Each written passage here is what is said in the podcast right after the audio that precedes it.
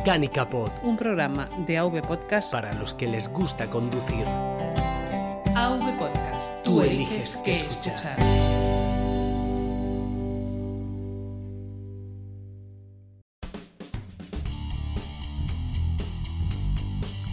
Hola, buenos días. Este es un programa de Mecánica Pod un tanto especial. Sí, ya lo sé, llevamos un tiempo sin grabar. Diferentes eh, compromisos eh, por mi parte y la mudanza de la casa de Pedro nos ha hecho imposible cuadrar agendas. Este sábado pasado, 28 de julio, me invitaron al podcast Perspectiva para hacer un análisis ah, de la situación actual en cuanto a la movilidad ah, en, el mundo, junto con eh, David Isasi de Perspectiva, junto con Paco Culebras de Plug and Drive y Ramón Cano también de Perspectiva.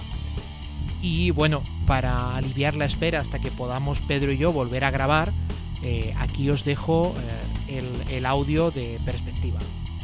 Adiós.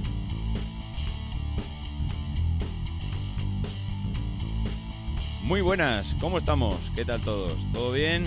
Pues aquí de vuelta y de vuelta además con letras mayúsculas porque llevamos aquí sin grabar pues varias semanas, aquí entre mudanzas y veranos y una cosa y otra. La verdad es que teníamos pendiente grabar un especial de perspectiva y bueno, pues si habíamos prometido había que hacerlo. Y en este caso, pues coincidía además que cumplía un año de nuestro famoso programa de automación que grabamos el año pasado y la verdad es que no se nos ha ocurrido mejor idea que reeditar nuevamente el episodio. Hemos añadido algún invitado más, además de lujo, y, bueno, pues comentar un poco cómo ha ido todo este año en el sector de la automación, los vehículos eléctricos, los no eléctricos, cómo está evolucionando todo el sector y además, bueno, como habéis podido eh, escuchar en, en la televisión, los que habéis estado un poco al tanto de las noticias, pues precisamente está un poco revolucionado otra vez el sector del taxi en Barcelona, pues por todos los cambios legislativos que le quieren aplicar y bueno, y ya por todo lo que trae atrás en general. Eh, para hacer este mm, capítulo, episodio barra podcast de automación, pues como siempre, pues mm, yo soy el que menos sabe, con lo cual esto es la parte fácil porque a mí solo me toca hablar y hablar poco y dejar a los demás que comenten. Eh, ya, ya conocéis a Ramón, eh, que es colaborador de Perspectiva, o no sé si decir de Perspectiva o de Milcar FM en general, porque voy a tener que hablar con Emilio porque todos estos audios que le manda para los dailies y demás, no sé, no sé, yo creo que creo que me está poniendo los cuernos, Ramón. Muy buenos días. No, no, no, nada más lejos. David, buenos días, buenos días, ¿cómo estáis? ¿Qué tal estás? ¿Todo bien? Muy bien, ya. Estás ya de vacaciones, ¿no? Haciendo un podcast desde un pueblito al lado de Madrid. Ah. Hacía tiempo. Qué bien, pájaro. ¿Cómo sabes? Ya estás otra vez de vuelta. repatriado. Sí, sí. Pues para completar el podcast tenemos nuevamente, como el año pasado, a Gerardo Molleda, y esta vez sí Molleda, que no me equivoco en el apellido, que ya sabéis que dirige, participa, colabora, bueno, lo hace todo en la cadena AV Podcast, en los podcasts de Stop con Jobs no pasaba y Mecánica Pod. Gerardo, ¿cómo estamos? Buenos días, pues aquí estamos, eh, un año después. Un año después, sí señor. Quiero iba a decir que íbamos a grabar un año precisamente sobre la evolución de la automoción y cómo está el sector. Pues bueno, vamos a ver qué nos traes preparado porque he visto ya por ahí un par de puntos tuyos que, vamos, tienen miga, ¿eh? pero mucha miga. en fin.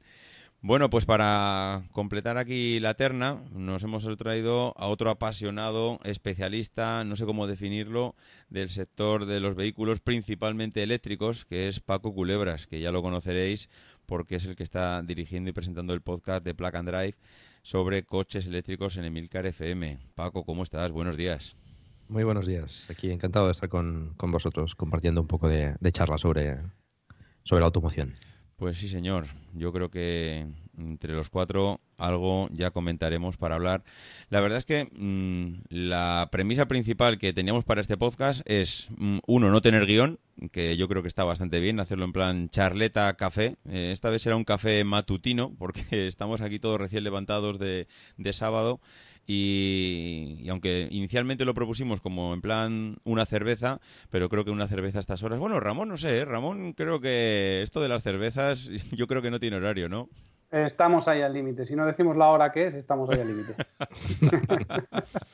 Pues sí, sí, la verdad es que el planteamiento era no, no tener guion, simplemente comentar un poco cada uno, pues un par de puntos o tres sobre lo que pensamos cómo ha ido eh, el sector en todo este año. De hecho, no hemos puesto mm, prácticamente en común los puntos, eh, con lo cual posiblemente pues haya cosas que queramos traer los tres eh, a colación, pero que bueno iremos comentando. Tampoco la idea es que este podcast nos dure más allá de una hora, hora y media. La idea no estar aquí hablando toda la mañana, con lo cual, pues bueno, vamos, vamos hablando.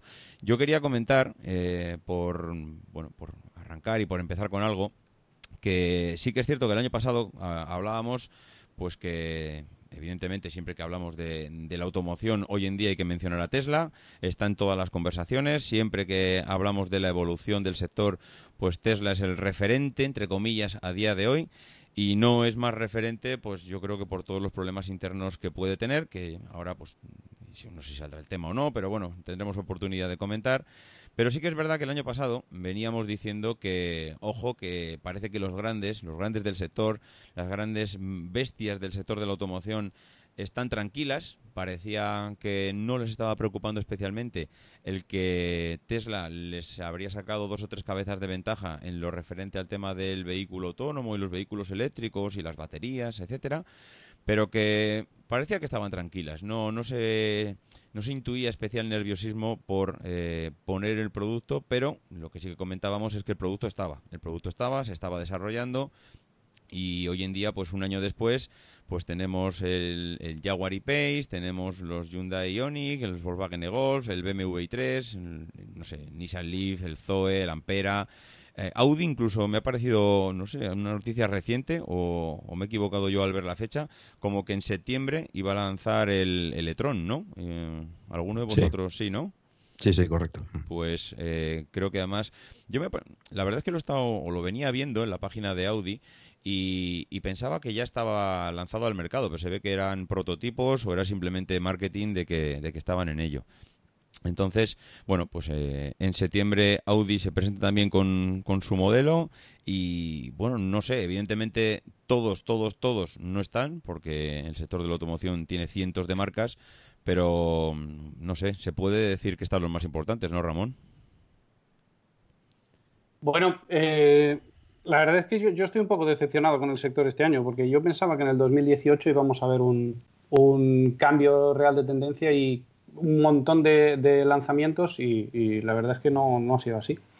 Em, por lo que he podido hablar con los fabricantes, la verdad es que la mayor parte de ellos eh, están conviniendo que los vehículos eléctricos, bueno, eh, ellos y todos, ¿no? Coincidimos que, son desde luego el futuro, que, el motor eléctrico tiene una clara superioridad frente al motor técnico en lo que la automoción se refiere y que ahora mismo el problema, el único problema que tienen los vehículos eléctricos son las baterías, es decir, eh, la cantidad de carga que pueden, eh, que pueden soportar o, bueno, la capacidad que les, que les podemos dar ahora mismo, la densidad de carga que pueden tener los vehículos y, segundo, los tiempos de recarga, ¿no? Y ese es el problema que ahora mismo tiene el sector y está intentando, está intentando vencer, ¿no? La capacidad de la capacidad de las baterías, viendo ya lo que se está presentando por ahí, que rondan los 500 o los superan, 500 kilómetros, ¿Tú crees que ya que empieza a ser un problema o que ya es algo que es más el tiempo de recarga? Porque ¿Cuántos, ¿Cuántos coches puedes comprar hoy que tengan 500 kilómetros de autonomía? Vale, igual no son muchos. Uno. Un, uno y de Tesla. Uno no. Eh, el, ampera y medido por qué ciclo. Sí, y, medido por el ciclo del pie ligero. No, no o sea, no, no, no hay alternativas hoy. a día y a mí es una de las cosas que, no me, que, más me decepciona. No hay alternativas para hacer, eh, para hacer 500 em, kilómetros o incluso 450. Al 400 ahí estamos un poco en el límite. A mí lo que, me, lo, que, lo que más rabia me da es que estamos intentando empujar al sector eh, por em, la, manera de recargar los vehículos por las carreteras, cuando realmente yo que vamos, me gusta y además tengo la oportunidad de hacer muchísimos kilómetros, cuando te paras en cualquier carretera no pasa ni un eléctrico que no sea un Tesla, pero ni uno. O sea, puedes estar horas y horas y horas y es que en las gasolineras, que también te puedes parar con un eléctrico a tomar algo, realmente no te encuentras, eh, no te encuentras ninguno. A mí me da rabia porque eh, yo creo que tiene todavía eh, la, tecnología de las baterías que evolucionar para con el mismo peso y en el mismo volumen conseguir almacenar más energía, es decir, aumentar la densidad de carga. Y aumentar la densidad de carga y la capacidad, eh, la, capacidad de, recarga en términos de, velocidad. pero... Y ese es el salto que le falta.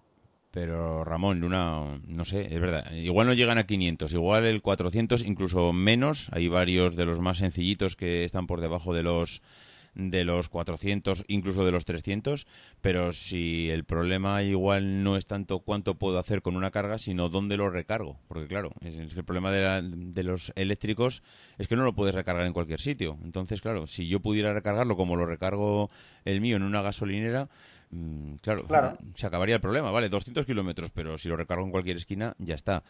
Eh, no sé, yo lo, yo veo un poco eh, el sector en el que... Pero si lo recargo, eh, David, si lo recargo en, cualquier esquina, eh, tardando tres horas o cuatro horas. Mira, uno, de los, uno de los test del algodón es el sector del taxi, por, por, bueno, por recuperar un poco el inicio del, podcast.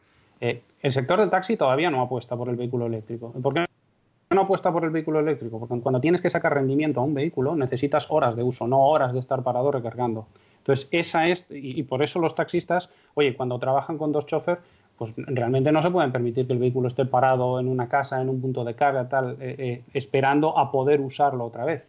Entonces, yo creo que uno de los, una de las piedras de toque es cuándo veremos que el sector del taxi o el sector de los vehículos de, eh, de, los vehículos de transporte con conductor empiezan a apostar definitivamente por vehículos eléctricos. Será porque los vehículos eléctricos, en condiciones de utilización un poco más severas, eh, están ya al nivel de sustituir a las comodidades en términos de autonomía y recarga de los vehículos térmicos, que es el único punto fuerte que les queda. El único. Gerardo, ¿cuántos kilómetros puede hacer un taxista eh, de ciudad eh, mm, en su jornada laboral? Alguien que esté pues, continuamente. Eh, depende muy mucho de la ciudad, claro, pero si os sirve aquí en Valladolid.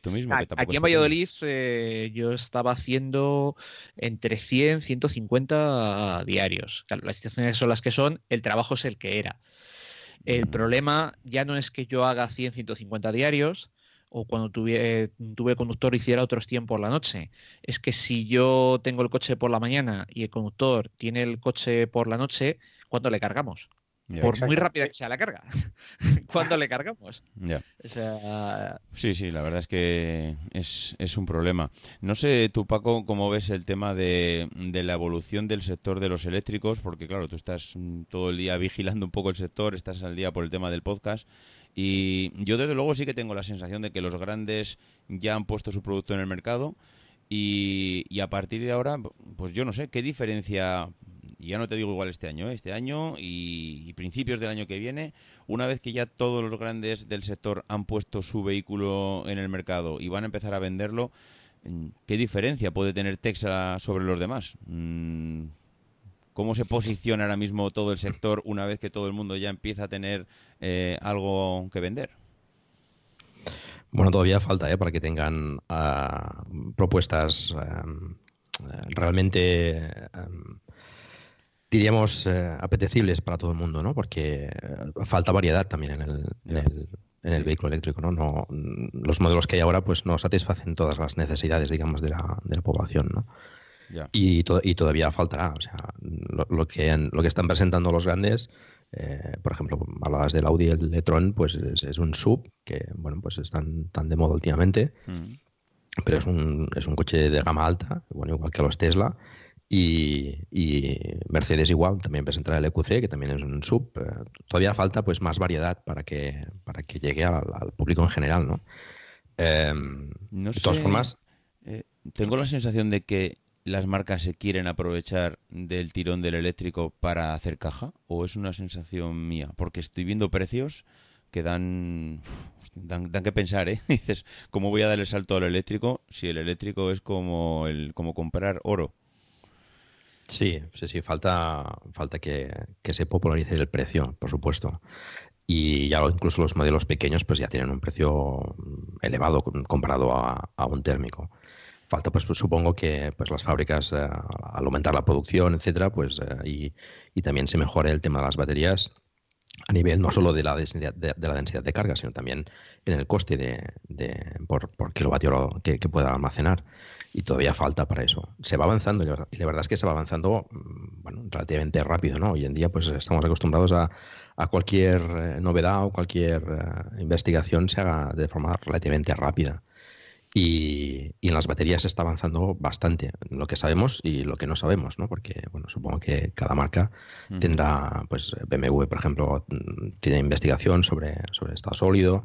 Eh, bueno, hay, hay, diversas eh, marcas que ya están investigando con el tema de las baterías. Y se está viendo también pues, que, el movimiento de Tesla con la, con la Gigafactory, pues, bueno, es un, es un, es un momento interesante y, y necesario porque tienen que aprovisionarse de baterías.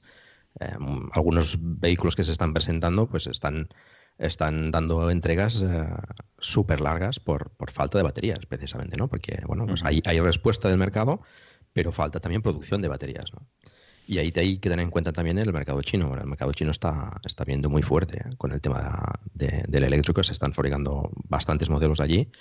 Y bueno, cuando, cuando aterricen en Europa, pues sí que, sí que habrá más, eh, más variedad y a un precio más asequible también.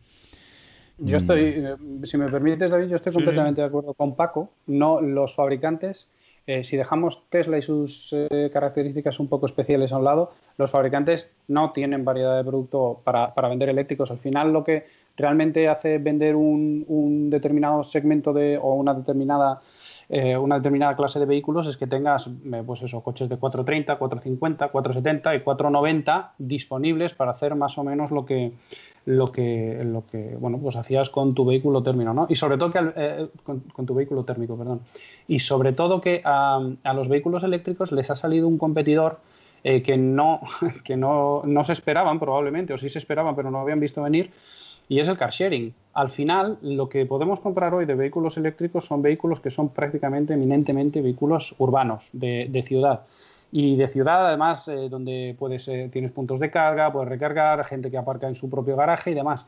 Pero es que ahora mismo, si vemos las matriculaciones eh, en los distritos eh, con más densidad de población, las matriculaciones están bajando. Y están bajando precisamente porque la gente deja de querer tener un coche aparcado en su plaza de garaje de Madrid, que le cuesta 150 euros al mes para hacer pocas cosas y salir dos veces, porque cuando baja a la calle eh, tiene cinco compañías de car sharing eh, y siempre puede recoger un coche a menos de 100, 150 metros de, de, su, de, su, de su domicilio, ¿no? Para hacer el pequeño desplazamiento que vaya a hacer con tres o con cuatro personas. Y claro, es que ahora mismo los eléctricos se venden eminentemente para trayectos urbanos y para comportamientos urbanos o para hacer 150 kilómetros al día o 200. Pues, y ahí eh, tienen otro competidor. Mm, no, es que has dado en la diana, es que lo iba, eh, lo iba a hilar con, con, Gerardo por el tema de las ciudades, que traía un punto bastante importante, Gerardo, tú mismo, ¿eh? si quieres comentar esto o lo anterior. Bueno, aquí se hilan dos puntos de los que, de los que yo te puse, que si recuerdas, eh, yo no le titulaba como mm, eh, novedades en el mercado del automóvil eléctrico al final 2018, no era el año. Eh, a mí, por ejemplo, me ha decepcionado muchísimo el Hyundai Kona. Yo tenía ciertas esperanzas, no porque me interesase personalmente, porque yo ya sabéis que odio los SUV a muerte, pero como el mercado es lo que quiere, mm, pensaba, digo, ostras, pues un cacharro, un SUV pequeño con 40 kilovatios, si andan en el entorno de los 30.000, yo creo que lo puede petar. 37.000. Dices, pues bueno, pues vale. Eh, eh, yo creo que habíamos puesto muchas esperanzas, más de las que, de las que pensábamos eh, o, de las que luego la realidad. yo desde luego el año pasado tenía más esperanzas para, para, para, para dentro de un año de las que al final me he encontrado. El verdadero problema al final del coche eléctrico está constreñido a lo que es el ámbito urbano por, la, por el tema de la recarga, porque fuera de las ciudades apenas hay infraestructura de recarga, salvo que tengas un Tesla. O sea, en esto Tesla lo que ha hecho muy bien es poner su red de, superchargers. Que tú vas, te enchufas media horita y otros 200 eh, kilómetros. Eh, el problema es que si no tienes un Tesla, no, tienes, no tienes eh, cómo, hacerlo. Y claro, todo esto, como, como, decía, como decía, bien decía Ramón, es que a la, gente joven, eh, y yo que soy el más joven de aquí, eh, cuando cumplí, creo, cuando cumplí los 18 fui corriendo a sacarme carne y imagino que todos vosotros también. los chavales jóvenes de ahora tienen prisa cero por sacarse el carné. ¿Pero estáis seguro que es prisa cero? ¿Sí? sí, sí, sí, sí, sí, sí, ¿eh? sí, yo también tengo esas, sensaciones. A, ver, también, a ver, también depende, depende de casos. No es lo mismo vivir en una gran ciudad que vivir en un pueblo a 50 kilómetros la ciudad, en el que no, te queda más remedio que, que, tener eh, carné. Porque incluso, es más, eh, y esto aquí eh, aprovecho para meter yo aquí mi, para vender mi libro. Otro de los puntos que, que yo decía, eh, son dos. Va a haber ciudades de primera, segunda y tercera categoría. Ya, ya lo tenemos. en Madrid ahora mismo hay unas posibilidades de transporte personal que no hay en Valladolid y no sé cuándo llegarán. bueno, pero eso ha sido siempre, Gerardo, porque al final... Sí, sí, sí, sí, sí. sí pero, pero la cuestión es, no, no, sé cuándo llegarán o no sé si llegarán. Bueno, pero en, Valladolid no hay metro y, no hay metro por, por razones evidentes, porque no compensa la, inversión, ¿no? Entonces, claro, y eso sucede también con las compañías, con, con todos los tipos de movilidad. Entonces, por eso digo que a, lo mejor estas, soluciones no, llegan, y más Valladolid, que por desgracia pues está en declive en cuanto a población. Eh, claro, aquí cada uno cuenta la película según le viene y según la vive. Yo al fin y al cabo vivo en Valladolid y ahora tengo la suerte de poder ir andando a trabajar un servicio, no sé si de carsharing, de alquiler de, patinetes o de teletransportación, pues eh, no vendría mal, pero tengo claro que no lo voy a ver a corto ni medio plazo. Pues y, y, claro, la, gente joven es que, y, cuanto más grande es la ciudad más, eh, no, no, tiene necesidad de, sacarse de sacarse el carnet no, no quiere ir, eh, ir, eh, ir conduciendo. Eh, y también es una cuestión cultural. todos nos sacábamos el carné, no tanto, o sea, aparte de por, por la sensación de libertad del coche, porque nos molaba el tema, que a la gente, a los chavales de ahora, a la gran mayoría, no le mola el, no le molan los coches. bueno, y hay, hay, algún punto más. No solo es no sacarse el carné, sino aún sacándote el carné, no tienen ningún, ningún interés en tener su coche propio.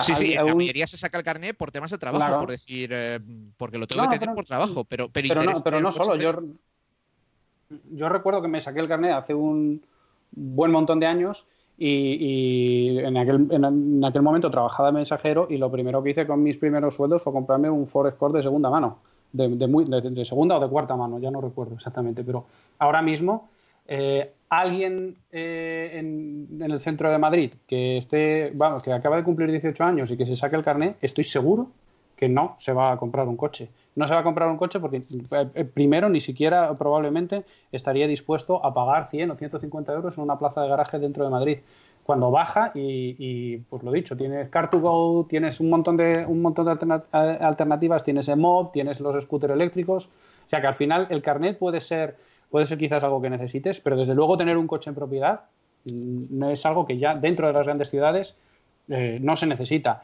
También es cierto que hay que hacerle caso a Milcar cuando dice, ojo, que está científicamente demostrado que no todo el mundo vive en el centro de Madrid o en el centro de Barcelona. Y, y es verdad, y es verdad, pero bueno, al final eh, si quieres ver coches eléctricos, pues mm, sobre todo los ves en el centro de Barcelona o en el centro de Madrid o en el centro de grandes ciudades donde tienen bastante más sentido, ¿no? Pues la verdad es que pues es verdad, las ciudades están cambiando, están, yo creo, evolucionando los medios de transporte. Cada vez más se ven los famosos patinetes eléctricos. Mm, es verdad que todavía, pues bueno, no, es algo representativo, pero mm, yo creo que sí que es un signo de que la, forma de, transportarse de la gente, pues, pues va evolucionando. Igual alguien, eh, como decía Gerardo, hace 20, 30, 40 años, lo primero que pensaba cuando tenía 18 años era sacarse el carnet de conducir Hoy en día, eh, con el precio que tiene todo, pues eh, igual para moverse por la ciudad, alguien que no tenga que eh, tener grandes obligaciones, ni que tenga que llevar hijos, ni tenga simplemente un desplazamiento, pues igual un patinete es una alternativa bestial, en el que es fácil de llevarlo, fácil de cargarlo, fácil de subirlo incluso a, una oficina y cargarlo en un enchufe. Mm, no sé, yo creo que ese tipo de cosas las vamos a ir, las vamos a ir viendo en las ciudades y, no sé hasta qué punto, hombre, lo, lo que comentaba Gerardo de, ciudades de, primera y segunda y tercera categoría, no sé, a mí en cierto modo da miedo pensar que vaya a ser así, que vayamos a tener servicios eh, que, hay, bueno, iba a decir, no hace mucho, ya sabéis que yo vivo en Castelldefels, eh, vino, vino mi cuñado, estaba aquí unos días y, vio que pedía comida por Amazon pedía pues lo típico, ¿no? Leche, Coca-Cola, bla, bla. Hay cosas que te gusta más pedir y otras que no, pero sí que es cierto que, la, que él, para él, ver que tú pidas o que yo pedía eh, comida por Amazon, se le cortocircuito el cerebro. Pero si Amazon em, te trae comida Amazon, pero si esto es un servicio que, de mensajería, de transportar paquetes de un sitio a otro, digo, pues, pues estuvimos hablando y hubo un gran debate sobre Amazon, pero sí que es cierto que hay servicios que en las grandes ciudades eh, yo creo que se están explotando con la tecnología que tenemos hasta límites insospechados, pero en cambio ahí, no sé si estamos anticipando lo que dice ya Gerardo, que ya hay ciudades de segunda y que puede haber dentro de un mismo país una gran diferencia entre si vives en la ciudad o sus alrededores, en todo el área metropolitana, o si vives a 50, o incluso si vives en un pueblo, eh, no sé, en la montaña, donde allí todos los servicios y todos los avances eh, vamos, olvídate de todo porque no lo tendrás, porque no tienes acceso. Las grandes compañías no les interesa. De hecho, cuando, ande, cuando, cuando, antes se desplegaban las redes de fibra óptica, vamos, lo primero era la ciudad, después eran las zonas metropolitanas, después era aquello que era susceptible de, sacar una rentabilidad mm, cuando menos interesante. Y, yo creo y diría, y no sé corregirme si equivoco, que todavía a día de hoy hay eh, ciudades o hay pueblos que todavía no tienen bueno, seguro, ¿no? Que, pero me refiero a pueblos, no el último pueblo de la montaña que, seguro que no tiene, pero que hay muchos sitios donde la fibra óptica no ha llegado hoy en día y que mm, esto que hablamos de fibra óptica y hablamos de Amazon, no sé si, si lo vamos a ver extrapolado al mundo de la automoción. Es decir, va a haber también una automoción ya no por, mm, eh, no sé, pensada para la gran ciudad y, una automoción de segunda en el que no tengas acceso a ella si no vives al lado de la gran ciudad. David, a, eh, servicios. David, eh, un apunte. Mm. Eh, en mi pueblo, que es Morallo de Roa, que está a 17 kilómetros de Aranda de Duero, mm. te quiero decir, no está en el culo del mundo. ¿Ah? tienen internet ADSL 2 megas. Para, para, para ponernos en, perspectiva. Y te, estoy hablando de un pueblo que, a ver, sí, eh, no, no, está cerca de una gran ciudad, pero bueno, está cerca de Aranda de Duero, que no sé si son. No, no, a eso me refería, ¿eh, Gerardo? Eh, o sea, 30, 30, 40 mil habitantes. 30, 40 mil habitantes. En, en, Aranda sí, en Aranda sí, me parece que sí. y bueno, el, pueblo que está a 17 kilómetros de, Aranda, eh, no sé si tiene 600, 700 habitantes. Pero te, quiero decir, ADSL 2 megas. Bueno, pero vamos a ver, eh, tampoco nos volvamos locos porque hay ciudades de primera, de segunda, de tercera y cuarta, pero por categorías. A ver, seguramente en el pueblo de Gerardo no vamos a encontrar un restaurante hindú para el que le interese, pero tampoco vamos a encontrar atascos y tampoco vamos a encontrar los índices, los índices de contaminación que tenemos en las grandes ciudades y tampoco vamos a encontrar eh, un montón de problemas y un montón de dificultades que tienen las grandes ciudades a pesar de tener otros servicios. Es decir, que ser una ciudad o un núcleo urbano de primera eh, depende para qué. No hay, yo por lo menos no conozco núcleos urbanos de primera que tengan siete eh, alternativas de car sharing y restaurantes de todo tipo de todos los continentes y Amazon que te llega en un cuarto de hora antes de que lo pienses y tampoco tengan contaminación, atascos, ta, ta, ta. O sea, que no son no, sí pero hasta ahora no son todo ventajas. No, no, no son todo ventajas ni mucho menos. Pero no que cada cosa tiene lo suyo. Pero hasta ahora el sector de la automoción eh, llegaba a todos los sitios. Llegaba a las ciudades las de primera las de segunda y al último pueblo de la sierra porque te podías comprar un producto adaptado o sea adaptado igual pues un todoterreno o lo que tú quisieras, pero la automoción llegaba a todo. Ahora igual la automoción ya no va a llegar a todo, porque si yo vivo a, yo qué sé, mm, en un pueblo donde no tengo posibilidad de tener un supercharger y no tengo puntos de recarga y mi gasolinera sigue teniendo el surtidor de gasolina o de diésel, pues es que estoy fuera del mercado. O sea, ahora mismo no tengo acceso a nada. Pero tienes, tienes un enchufe en casa. Tienes un enchufe en casa y la, mayoría de la, gran mm, la gran necesidad de carga que tienes es siempre en casa. Puedes montar placas solares, por ejemplo. Es una cosa que también irá abratándose con, el tiempo. Es decir, eh, opciones hay. Y el tema de las ciudades eh, siempre, siempre ha existido eso. Em, el teléfono no llegó primero a un pueblo, seguramente, ¿no? Eh, tuvieron primero las grandes ciudades y pues tuvieron pues teatros, tuvieron cosas que con el tiempo han ido llegando a, más sitios, ¿no? Porque la mayoría de servicios, pues las ciudades es, donde siempre aparecen primero y siempre ha existido ese, esa diferenciación, ¿no? Con la automoción, pues como decías ahora, mm, la automoción está en todos sitios, pero tampoco veo un problema que, que pueda haber un eléctrico pues en, un pueblecito. Puede cargar perfectamente y no tiene, no tiene necesidad de seguramente ir a la, a que estará pues a más kilómetros que lo que podamos tener en una ciudad como Barcelona, ¿no? Y carga en casa y ya está. Y, puede perfectamente darle el servicio que necesita. Sí que el car sharing, pues evidentemente mm, tardará en llegar a sitios eh, más alejados, pero si es que llega, pero bueno, a lo mejor no tienes tanta necesidad, ¿no? Con, con un, mejor con un coche o dos eléctricos en el coche y en el pueblo y, pues eh, con una buena organización, pues a lo mejor la gente se apaña, ¿no? A lo mejor necesita dos, a lo mejor necesita diez, depende de las, de las necesidades, ¿no? Pero bueno, sí que hay mejores formas de organizar el movimiento de las personas, yo creo, y que más tarde más temprano ya acabará llegando. ¿no? Mira, hay, hay un informe bastante reciente de PricewaterhouseCoopers que habla de las perspectivas a, em, largo plazo del sector de la automoción, eh, donde PricewaterhouseCoopers, que no defiende ni las eléctricas, ni las térmicas, ni nada, está pronosticando un, market share por encima del 30% para los vehículos eh, diésel en el año 2030. Diésel, ¿eh? no estamos hablando de motores térmicos, no solo, es decir, no estamos hablando de diésel y gasolina, estamos hablando de motores diésel más del 30% en el año 2030. Que nosotros veamos el mundo desde nuestra pequeña perspectiva, con nuestro ojo eh, medio abierto y en donde podemos ver hasta aquí, pero no vemos más allá, no significa que todo el mundo esté interesado en compartir eh, las mismas, eh, el mismo tipo de automoción que nosotros pensamos que aunque sea el futuro, eh, no, va, no, no, tiene por qué estar tan extendido como pensamos. Yo no tengo el mismo pueblo que Gerardo Molleda, mi pueblo es Castrejón de Trabancos, que tiene aproximadamente 170 habitantes censados en la provincia de Valladolid, limítrofe con, con Salamanca y Zamora, que es realmente un entorno muy, muy, muy pequeño, muy pequeño, donde la media de kilometraje de los vehículos de los que allí habitan no llega a 2.000 kilómetros al año. ¿Para qué quieres? Para hasta que los eléctricos no cuesten lo mismo que los térmicos, lo mismo, a nadie del pueblo le interesa tener un eléctrico, aunque tenga un enchufe. ¿Para qué? Para hacer en los próximos 20 años 40.000 kilómetros y ahorrar cuánto? 5.000 euros en combustible. Pero si tengo que pagar, si tengo que pagar 15.000 más por el coche, o que ahora, ahora mismo no es el momento y, uno, de los, uno de los defectos que, el ser humano eh, comete, según mi criterio, es intentar juzgar los productos que tendremos en el futuro con las necesidades del presente. Y es que no va a ser así. Ya no va a ser así. Y el vehículo eléctrico nos dará un montón de oportunidades que hoy ni siquiera imaginamos y no cubrirá algunas necesidades que hoy tenemos y que podremos o no podremos tener en el futuro.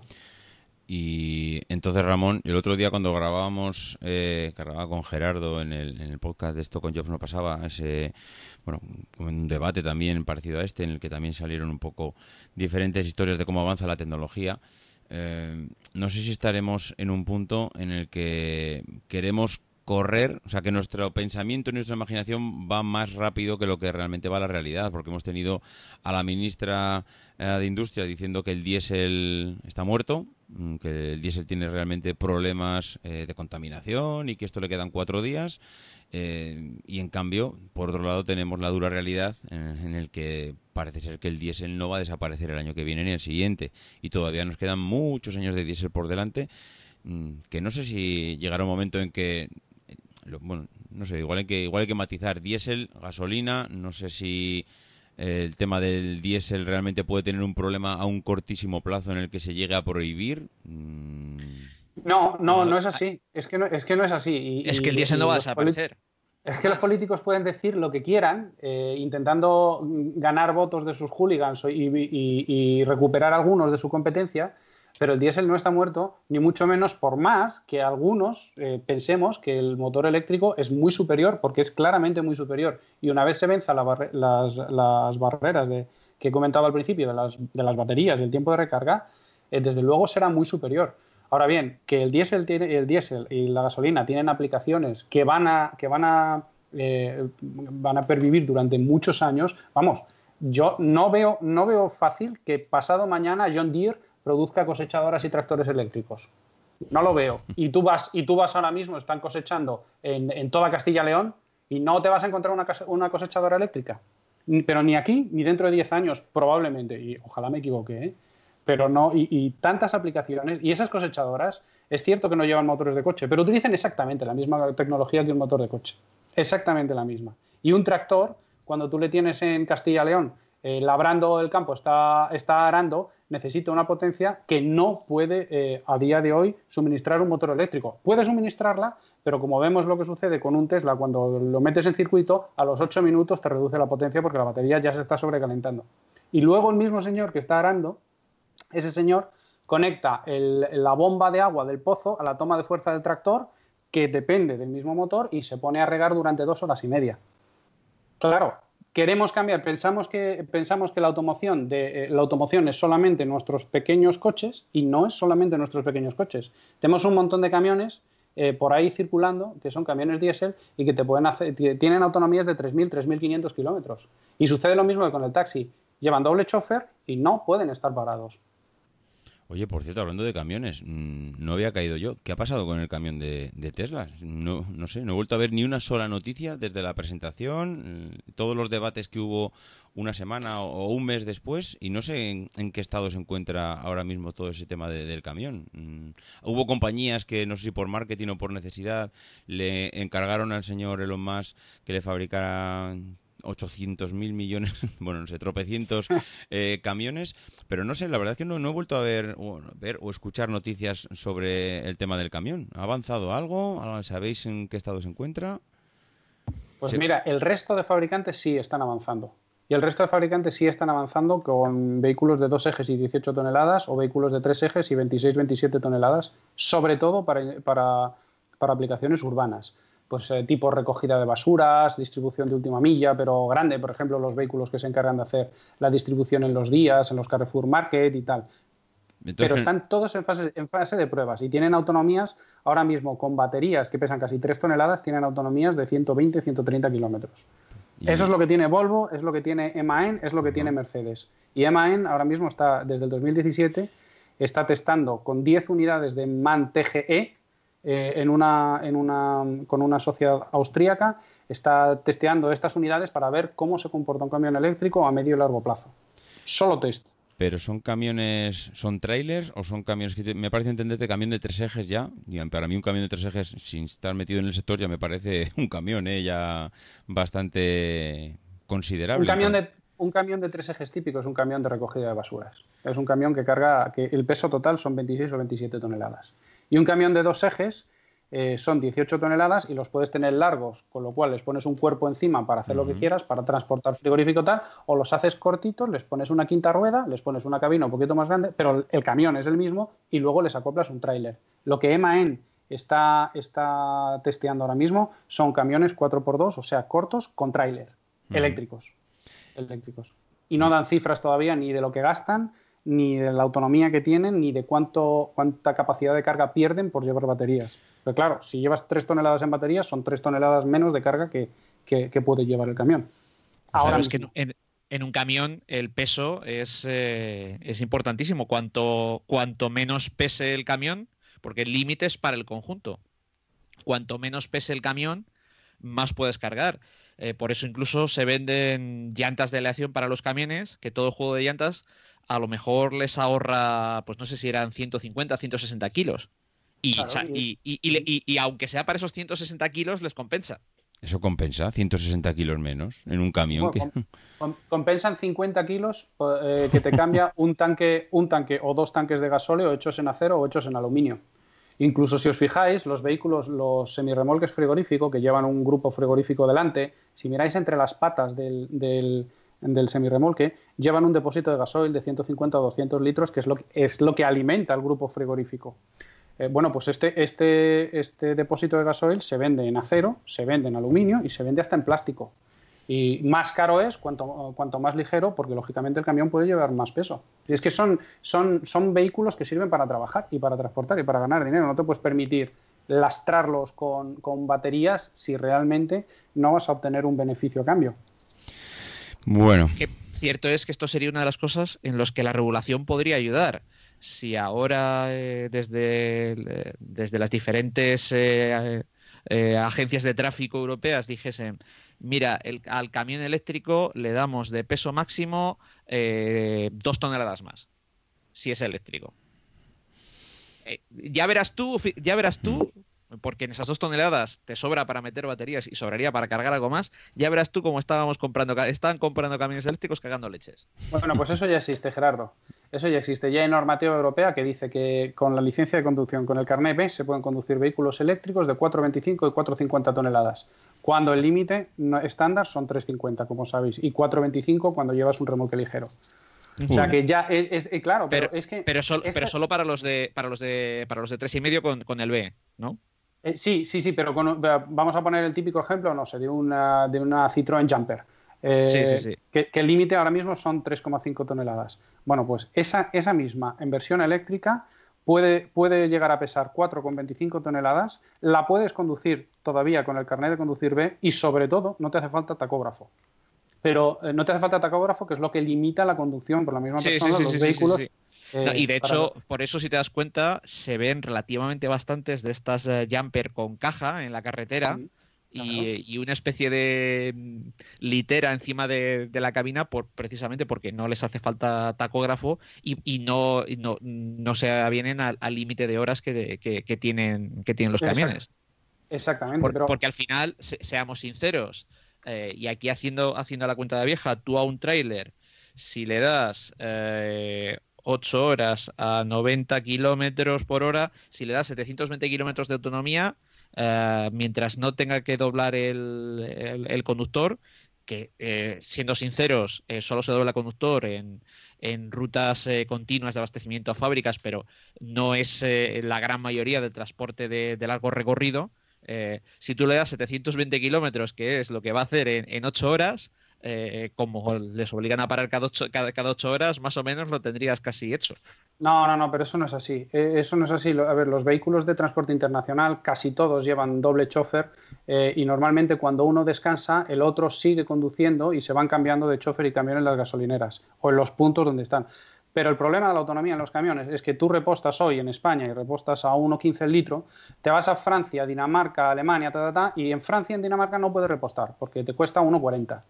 Y cuando llegas a Alemania, entonces aprovechas que el gasoil está a 1,15 y vuelves a repostar y vuelves a llenar 1.500 o 1.600 litros. O sea, el, mundo del transporte es un pelín más complejo eh, que, pensar, bueno, ¿cuándo se para el vehículo? Entonces, si se para el vehículo, yo reposto. No, no, esto sucede, sucede lo mismo con los aviones.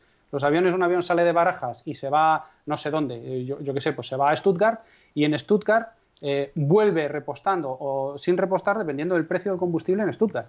Y eso ya lo sabe cuando sale de barajas. Entonces, con los camiones sucede exactamente lo mismo.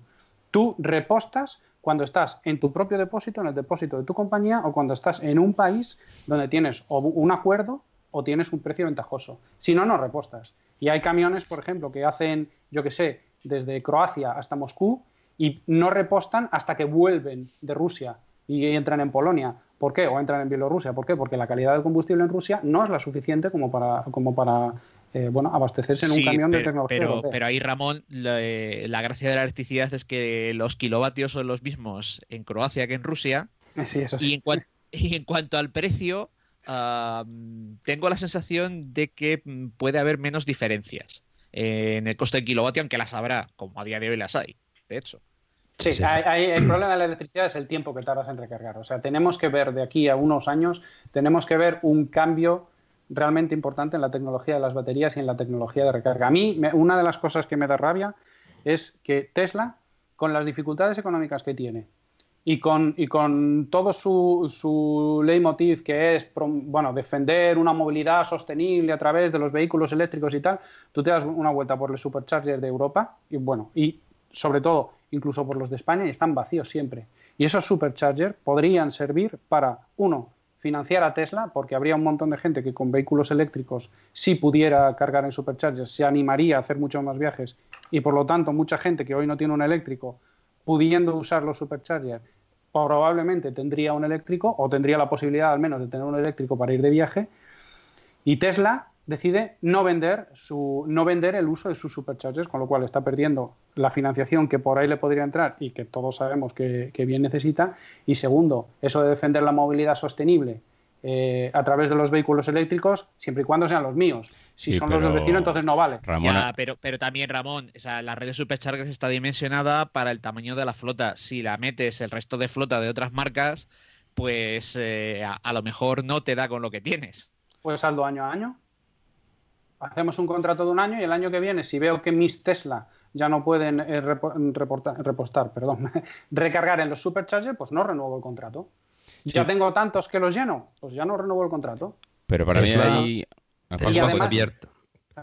Perdón. Tesla está abierta a que otros fabricantes puedan cargar en sus coches. Lo que pasa es que los otros fabricantes no han, no han dado el paso. Lo que pasa es que Tesla les pide que participen en la, en la, construcción, De, eh, de, esa, de, esa, red. ¿no? Eh, los demás fabricantes todavía no tienen, no tienen vehículos eh, en, cantidad para, para aprovechar seguramente esa infraestructura. Pero bueno, Tesla no se niega a que otros fabricantes puedan usar sus, sus superchargers. Pero es que no, no, ha habido esa oferta por parte de los fabricantes para, para hacerlo. Ahora con Unity parece que, que, bueno, que se han puesto de acuerdo y bueno, se estaba comentando también que, que incluso Tesla podría participar, pero, pero bueno, mm, pero no se trata. La, la, red de, de supercargadores es, un, es, un, es una cosa diferencial respecto a, las otras marcas también, ¿no? O sea que. Pero Tesla no tiene que negociar con los otros fabricantes. Tesla puede negociar con los usuarios directamente. Y Tesla puede pasado mañana decir, señor que tiene un Leaf, señor que tiene un Zoe, señor que tiene un tal, que sepa que puede venir a, mi, a mis eh, superchargers y pagarme, no sé, no sé, 10 céntimos el kilovatio. Y no tengo pero que igual lo que quiere es llegar a un acuerdo con las grandes marcas y no llegar a un acuerdo con el usuario, que piensa que, bueno, digo piensa que no sé, no sé cómo lo tiene planteado. Yo es que precisamente eh, esto que ha dicho ahora Paco era uno de los puntos que yo quería que yo quería comentar y por hilarlo también con esto. Eh, para mí Tesla ahora mismo, mm, porque claro, los demás hemos dicho antes, ya están aquí, están llegando, ya están presentando. Este 2018 ya hemos visto cosas y seguiremos viendo de los grandes. Pero ¿cuál es la diferencia ahora mismo de Tesla con el resto de fabricantes que tienen un coche, porque el tema del vehículo autónomo para mí, bueno, puede estar ahí, pero los demás también están tienen tecnología para ello. El tema de las baterías ya lo tienen. No, lo único punto, y digo único Tampoco sin darle muchas vueltas, ¿eh? igual ahora a vosotros se os ocurren tres más. Pero el único punto que para mí me parece significativamente importante y diferenciador con respecto a los demás es la red de superchargers que tiene. Los demás ahora mismo no están planteando algo como, digo planteando, yo por lo menos no he oído a ninguno decir, oye, mira, empezamos en París y a partir de ahí tenemos un plan de expansión de cinco años para eh, montar una red de distribución de, de, superchargers o como lo queramos llamar. Y, y, y hasta ahora es únicamente la red de Tesla es la que se está expandiendo y cada día más. ¿Esto no será una diferenciación con respecto a los demás que pueda ser clave en un futuro? Es que me viene a la mente eh, cuando Apple montaba las Apple Store, que parecía una locura, y los demás decían, pero ¿para qué voy a montar yo una tienda si puedo distribuir mi producto a través de los 800.000 distribuidores que hay por el mundo? Y hoy en día vemos como todos, por marketing, por tema postventa, por lo que tú quieras, ves a Samsung, Xiaomi, Microsoft, todos montando sus tiendas en las grandes ciudades. Entonces, puede ser que el equivalente en su día a esas tiendas de, las tecnológicas lo podamos tener en esa red de supercargadores, que haya gente o que haya empresas que los tengan y otros que no. Bueno, eso, eso que has eh, comentado de que empezar por París y extenderse y tal, bueno, eso es, eh, eso es Ionity al final, ¿no? Eso es un poco el consorcio de Volkswagen, Daimler, BMW eh, y Ford. eso es lo que están intentando hacer, pero es que yo creo que los fabricantes... Están intentando ponerse de acuerdo. Pero ¿cuál es su prisa? Pero cuál es, sí, pero ¿cuál es su prisa? O sea, ¿por qué tienen que desplegar una red en dos años? Si ellos, si, a ver, los, los análisis que no son un poco de parte te dicen que todavía tenemos motores térmicos para muchísimos años. Para muchísimos años. No es que y no, no se van a vender solo eléctricos en el año 2024. O sea, mm, no, nos volvamos locos. Ni en el 2044. Claro que no, pero claro que no, a pesar de que todos estamos de acuerdo que el motor eléctrico es superior y que los vehículos eléctricos son mucho más saludables. Bueno, pero también es cierto que hay otro tipo de necesidades y eh, contestando un poco a tu pregunta, David, efectivamente, y Tesla se salta un poco su leitmotiv de promover la movilidad sostenible eh, a costa de defender su ventaja competitiva, que es hoy las redes supercargadores y sus vehículos que apetecen mucho más que todos los demás y además que tienen autonomías mucho más grandes con, con tiempos de recarga muy inferiores. Y esa es su ventaja competitiva y han decidido no venderla.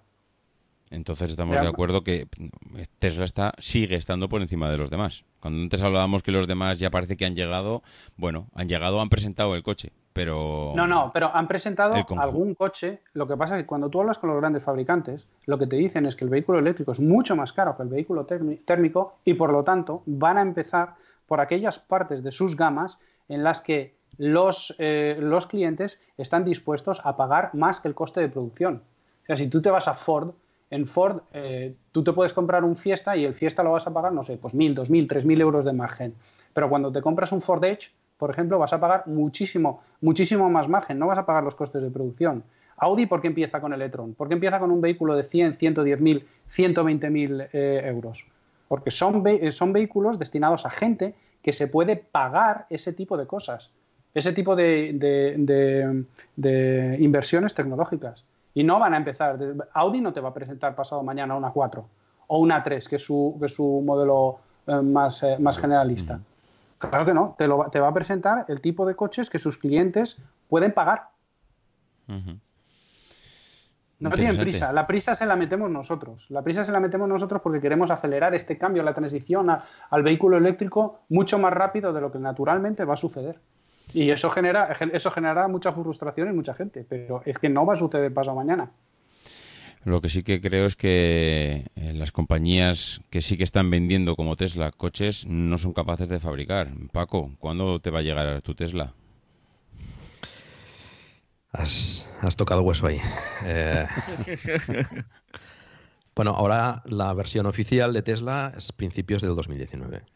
Principios. Pero. Sí pero bueno, mm, Tesla no se ha caracterizado precisamente por cumplir eh, escrupulosamente los plazos de entrega, ¿no? Mm, no se sabe. De todas formas, parece que está, que está eh, incrementando la producción ya de forma más, más, más estable. Veremos a ver los números que, da, que dará próximamente, pero parece que ya ha llegado a los 5.000 semanales y, bueno, pues eh, veremos si, si eso ayuda y a final de año ya pueden llegar, pues no sé, no sé si a los 10.000 como tenían eh, intención, pero a lo mejor 6 o 7.000 semanales, pues mm, a lo mejor veremos. Pero de todas formas, eh, Ramón lo comentaba al principio del podcast, eh, los únicos coches que se ven en las carreteras eléctricos viajando son, son los Tesla. Es, eso es, ahora mismo no hay ningún otro coche que, que te permita hacer eso, eléctrico. No solo eso, es que los propietarios de Tesla tienen el gusto por viajar sea, les apetece coger su coche y viajar, a pesar de la cierta incomodidad de recargarlo cada tal, tal, les apetece viajar. Y cuando hablas con ellos se nota un montón. Esto de la incomodidad es bastante relativo, ¿no? Si con una autonomía, pues como están teniendo, por ejemplo, el Model 3 tiene unos 500 kilómetros en ciclo EPA, que lo comentáis al principio del podcast, pero eso ya son 500 kilómetros bastante reales, a lo mejor no serán 500, pero serán 480 o 490. Eh, pues bueno, te permite hacer una tirada de kilómetros, eh, descansar y yo luego cuando cojo el térmico pues eh, lo hago así, hago 300 kilómetros a lo mejor y paro un rato. Y en ese rato pues puedes cargar perfectamente el coche, ¿no? Puedes tardar un poco más, puedes tardar un poco menos, pero bueno, esa pequeña incomodidad que no es tanta, es decir, que igualmente paras la mayoría de, es que no es tanta, conductores, excepto Ramón, que, se, hace, hace, miles y miles de kilómetros. No, pero, no, pero la, mayoría de nosotros hace paradas más o menos, eh, pues eso, escalonadas, ¿no? 200, 300, 400 kilómetros, depende, ¿no? Y, te permite recargar. O sea, es importante que haya una infraestructura de carga eh, eh, consolidada y, por todos sitios. Y es lo que y de carga rápida. Correcto. Y es lo que pretende Unity. Eh, los supercargadores están cargando a 125, 130 kilovatios eh, de potencial. Unity, pues eh, con el CCS Combo pretende hacerlo a 350 kilovatios. Ya veremos las baterías cómo soportan esa, entrada de carga, pero se supone que el, tiempo de carga será bastante inferior. Pero no me, he explicado bien.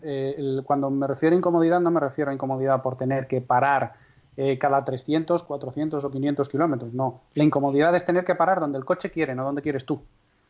Es decir, te tienes que parar, para hacer este viaje tienes que pararte aquí, aquí, aquí. Y esa es la pequeña incomodidad que tiene que, joder, yo no, es que quiero, no sé, pasado, pasado, mañana me voy a Mojácar y yo quiero parar y ver Albacete, o quiero parar y ver Granada. No quiero pararme en medio de la autopista porque hay un hotel donde hay un supercharger. Esa es la incomodidad. Bueno, pero en Granada a lo mejor encuentras algún cargador que mientras visites la ciudad pues lo puedes cargar. Eso es. Eh, y, los hay. Creo, que, la idea, creo que la idea está ahí. Y los hay, los hay. La verdad es que... Cada vez más. Sí, sí, la verdad es que lo, dice Paco. Cada vez hay más. Y a mí no me parece una gran incomodidad el, el tema del parar a recargar. ¿eh? Yo, no sé, se ve que soy de los que menos, de los que estamos aquí, el que menos le gusta conducir. Bueno, menos, que ya me gusta, ¿eh? si es que yo soy de los que disfruta conduciendo. Pero claro, comparado con vosotros, soy un becario. Entonces, claro, eh, yo paso dos horas, tres horas en el coche y a mí ya lo que me pide el cuerpo, también es verdad porque me voy haciendo viejo, es sentarme en una cafetería mientras pues paro, aprovecho, cargo el coche. Y yo de hecho, mira, eh, ayer creo que precisamente veía uno de los de los vídeos de YouTube de, Saúl López que decía que viajaba, ya no me acuerdo dónde salía, iba hasta Girona, mm, creo que iba a pasar a París, París, Girona. París, salía a París, Girona, ¿no? Y, y paraba pues en cuatro sitios y la verdad es que yo veía el vídeo y tampoco me parecía pensando. No, de hecho, Saúl dice siempre que él siempre tiene que parar antes porque o tiene que bajar al perro o, como va con la niña. O sea, tiene que parar antes por, por los ocupantes que por el coche. por el coche Yo personalmente, los dos últimos viajes que he hecho, no los podría haber hecho eh, con ningún coche eléctrico, tal cual los hice. Mm, ¿Por qué no? El, pues el anterior eh, fui a ayudar a un amigo a Barcelona, entonces salí de trabajar a las, a las 5 de la tarde, cogí el coche eh, y fui directo hasta, hasta Barcelona, eh, haciendo tres paradas de 5 minutos. Con la tecnología actual eso no es posible. El anterior fue cuando fui a Alemans, que desde Guecho a la propia Alemans eh, paramos eh, una única vez a repostar. Eh, y son 700, son 700 y pico kilómetros. con la tecnología actual no podría haber hecho esos viajes. A lo mejor es que nos tendremos, tendremos que empezar a pensar en viajar de otra manera. Bueno, los podías haber hecho, pero con más tiempo. Claro, pero es que no lo tenía el tiempo. Ya, ya, ya, ya, ya, Sí, sí. No, no, pero, no solo eso yo creo que el, error de base es intentar em, defender o intentar promocionar eh, que podemos hacer lo mismo con un vehículo eléctrico cuando realmente no podemos. Pero podemos hacer otras cosas.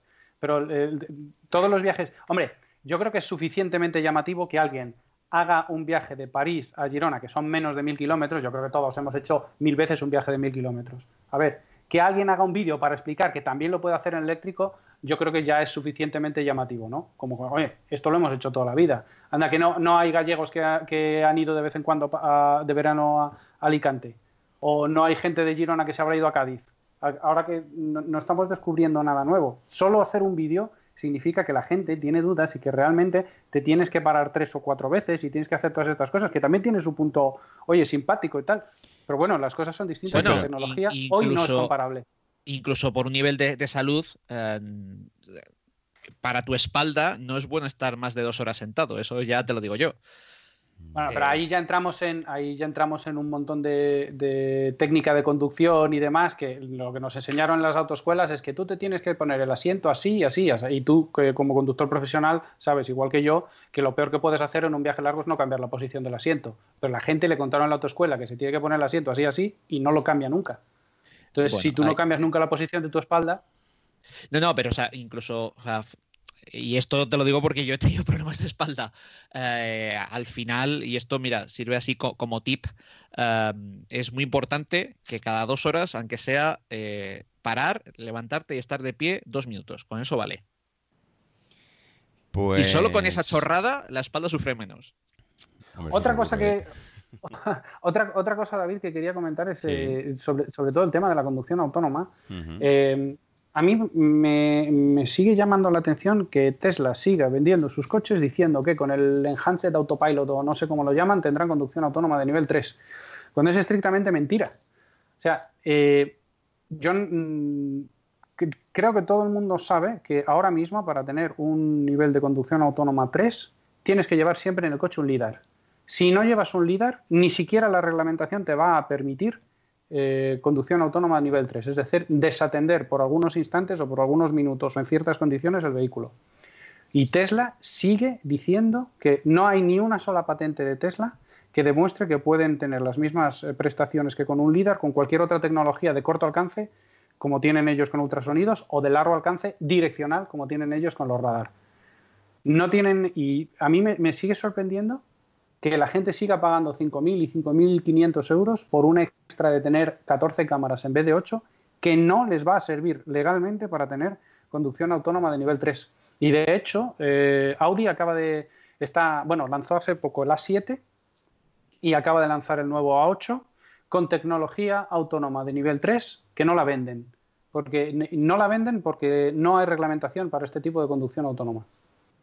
Entonces, yo lo veo un, poco, y permitidme la, comparación, como cuando Apple dice que sus iPhones son, son eh, eh, ¿cómo se dice? Son sumergibles. Eh, sí, pero cuando lo sumerges y se estropea, en la Apple Store lo que te dicen es ya, pero le ha entrado líquido. No te dicen agua porque si te, porque si te dijesen agua, entonces ya les habías pillado. Siempre te dicen líquido. Pues Tesla está jugando un poco a este juego. Es, sí, sí, vas a tener conducción autónoma, bueno, pues a lo mejor tienes la tecnología, pero no va a ser legal y no tienen una sola patente. ¿Cómo es posible que, Yo, creo que se hacen un montón de daño a la, imagen, sobre todo en el sector, porque la gente del sector lo sabe.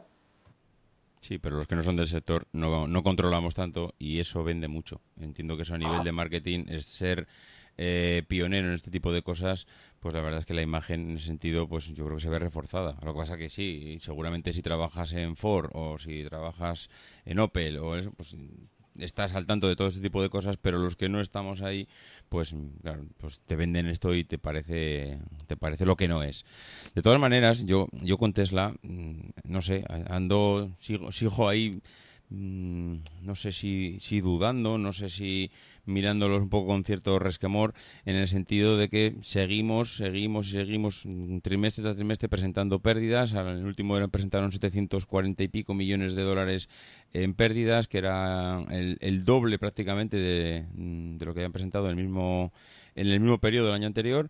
Y, y, sí que veo a Elon Musk un poquito más cuestionado que hace cosa de un año, donde parecía que era incuestionable todo lo que decía. Ahora sí que le veo un poquito más preocupado, le veo como que está un poco, no sé si decirlo en el filo de la navaja, pero con cierta preocupación de que no sé si él tiene la solución al problema de Tesla. No bueno, Paco. Eh, Elon eh, Musk eh, últimamente no ha, tenido, no ha estado muy acertado, por ejemplo, en, su mejor mes, en, sus, en sus declaraciones y, bueno, sí, sí que ha tenido bastante, bastante problemática, ¿no? y bueno, ha sido cuestionado, pero sigue allí. esto no tiene por qué, por qué interferir en, en, en lo que Tesla pueda o no pueda llegar a hacer, ¿no? el tema económico, pues eh, bueno, es, esa losa que está ahí siempre y parece que, Tesla no va a durar mucho más, pero de momento pues eh, sigue estando ahí. Y bueno, tiene problemas de producción. Eh, es complicado pues fabricar tantos coches. Tesla seguramente infravaloró ese, ese, esa necesidad o esa, o esa problemática y bueno, está, lo está sufriendo. Pero Mm, sigue tirando para adelante y es indiscutible que está, está forzando al sector también a, tirar por ahí, ¿no? Yo espero que, espero que se puedan remontar y, que puedan eh, ayudar o, forzar a, los demás fabricantes a que, a que vayan sacando los modelos eléctricos que, que yo creo que necesitamos. Pues fíjate que uno de los que estábamos, que los que estamos aquí en el debate, que vaticinaba la destrucción y desaparición de, Tesla, y no mira a Ramón. No, no, no me escondo. No, no, y, puede pasar, no, no, o sea... No, no, no, si yo lo digo... Es evidente, es evidente que tiene, tiene, tiene ciertos problemas económicos eh, importantes y que, bueno, el problema está ahí y necesita producir eh, vehículos eh, lo más rápido posible y venderlos y conseguir cash, ¿no? Y, aún así, pues le costará, ¿no? Porque es... Y además, pues como ya hemos comentado más una vez, pues algunas veces se, se está metiendo en más fregados, ¿no? Es decir, bueno, el, el, camión, el Tesla Semi, el roster, eh, bueno, pues va, haciendo cosas, ¿no? Y, y, presentará el Model I dentro de poco y, bueno, pues va montando fábricas en China, que, que también ha salido recientemente y, bueno, pues va se va, se va digamos, metiendo todavía más en, en, pues, en necesidades que, que económicas que, que, tiene que solucionar, está claro. Pero bueno, yo quiero, creer que, que, pues, la gente que está al cargo pues eh, más o menos tiene dos dedos de frente y, y tienen, tienen planes para, para, que esto salga adelante. El Model I sería el cuarto vehículo que presentasen que no, que no producen todavía, porque ya llevan una, una larga lista y, hombre, estaría bien antes eh, producir el Model 3 con las especificaciones, no ya con el precio, ¿eh? pero con las especificaciones que, prometieron. A mí Tesla, yo, yo predije, no, no predije, sino que, bueno, en algún momento dije que, a mí me, parecía que, quebrarían seguramente en el tercer cuatrimestre de este año. Ojo, no, no confundir, que, yo piense que pueden quebrar eh, no significa que yo quiera que quiebren, nada, nada bien al contrario, ¿eh? pero a, mí me da, a mí me da rabia, bien al contrario pero a mí me da rabia que, Tesla, con, la, con las posibilidades que tiene a nivel de diseño y con lo visionarios que son, me da rabia que sea una compañía que primero hace sus planes de negocio, me da la sensación, ¿eh? en PowerPoint y luego intenta encajarlos en Excel, en vez de una compañía normal que primero hace su plan de negocio en Excel y luego intenta, bueno, pues pintarlo un poco más bonito en PowerPoint. A mí me parece que cuando eres un empresario y tienes, si, si estás solo, bueno, pero cuando tienes ya el primer empleado, tienes cierta responsabilidad que, bueno, pues que, con la que debes comprometerte, ¿no? Y no se pueden hacer ciertas cosas a la, a, la ligera. Y bueno, eh, ese es uno de los, de los problemas de Tesla. Probablemente Elon Musk sea la mayor dificultad y el mayor activo de Tesla, porque yo, yo diría también que sin Elon, sin Elon Musk seguro que Tesla no habría llegado a donde está. Pero también es una fuente de problemas inagotable. Pues mm, yo que también era un poco escéptico con, bueno, era, era que lo sigo siendo. Pero fíjate que a medida que van pasando los meses y van afianzando un poco la fabricación y bueno, parece como que van tirando para arriba. Fíjate, Ramón, que yo cada vez, no sé si me veo más confiado y, creo que al final van a acabar saliendo de ese agujero y acabarán dando beneficios. No sé si por el crédito ilimitado que tiene este hombre, pero mm, no sé. Pues eh, espero que Espero que sí, sobre todo porque los beneficios normalmente de las marcas de automoción no vienen de las ventas. O sea, intentar vender más coches, intentar producir más para, generar cash flow positivo, eh, bueno, está muy bien, eso lo quieren todos, pero si tú te vas a, leer el balance de cualquier marca de automoción, un poco ya, la, la mayor parte del margen se hace en la posventa. Y no solo en la postventa de los concesionarios, ¿eh? también vendiendo recambios directamente y demás. Y Tesla está entrando ahora mismo en una fase en la que tiene que empezar a vender postventa también. Y tiene que empezar a cambiar, a vender recambios de sus coches y, demás. Eh, pero y Tesla eso tiene va a ser una fuente de beneficios. Hombre, eso, seguro, ¿eh? seguro. Lo que pasa es que para llegar a ese punto de la posventa hace falta una red de, de posventa bestial de talleres que ahora mismo yo no sé, el que se le rompe un Tesla eh, no sé, en Barcelona, ¿dónde va? Mm, hay... En Barcelona, Barcelona. Y, en Madrid hay otro centro de servicios, sí. Actualmente solo hay dos. En Madrid Pero, por ejemplo, no sé si habéis visto, no sé si habéis visto esta noticia de que en Noruega, como han vendido tanto, los centros de servicio no dan abasto y Se, se, quejaban los, los usuarios de que había mucha espera y que y que bueno, pues que, que, como que les había pillado, no habían dimensionado correctamente la red. De todas, de todas, hay una normativa europea que se llama Block Exemption Regulation que viene ya del año 2005 que dice que cualquier taller puede ser y puede atender cualquier marca eh, siempre y cuando sea capaz de comprar el, software y el conocimiento, los manuales de servicio que las marcas que venden en Europa tienen obligación de poner a su disposición. Y todas las marcas tienen una página web donde cualquier taller puede ir y pagar el precio que sea, el precio que ponga cada marca y que es una fuente de financiación para las marcas. ¿eh?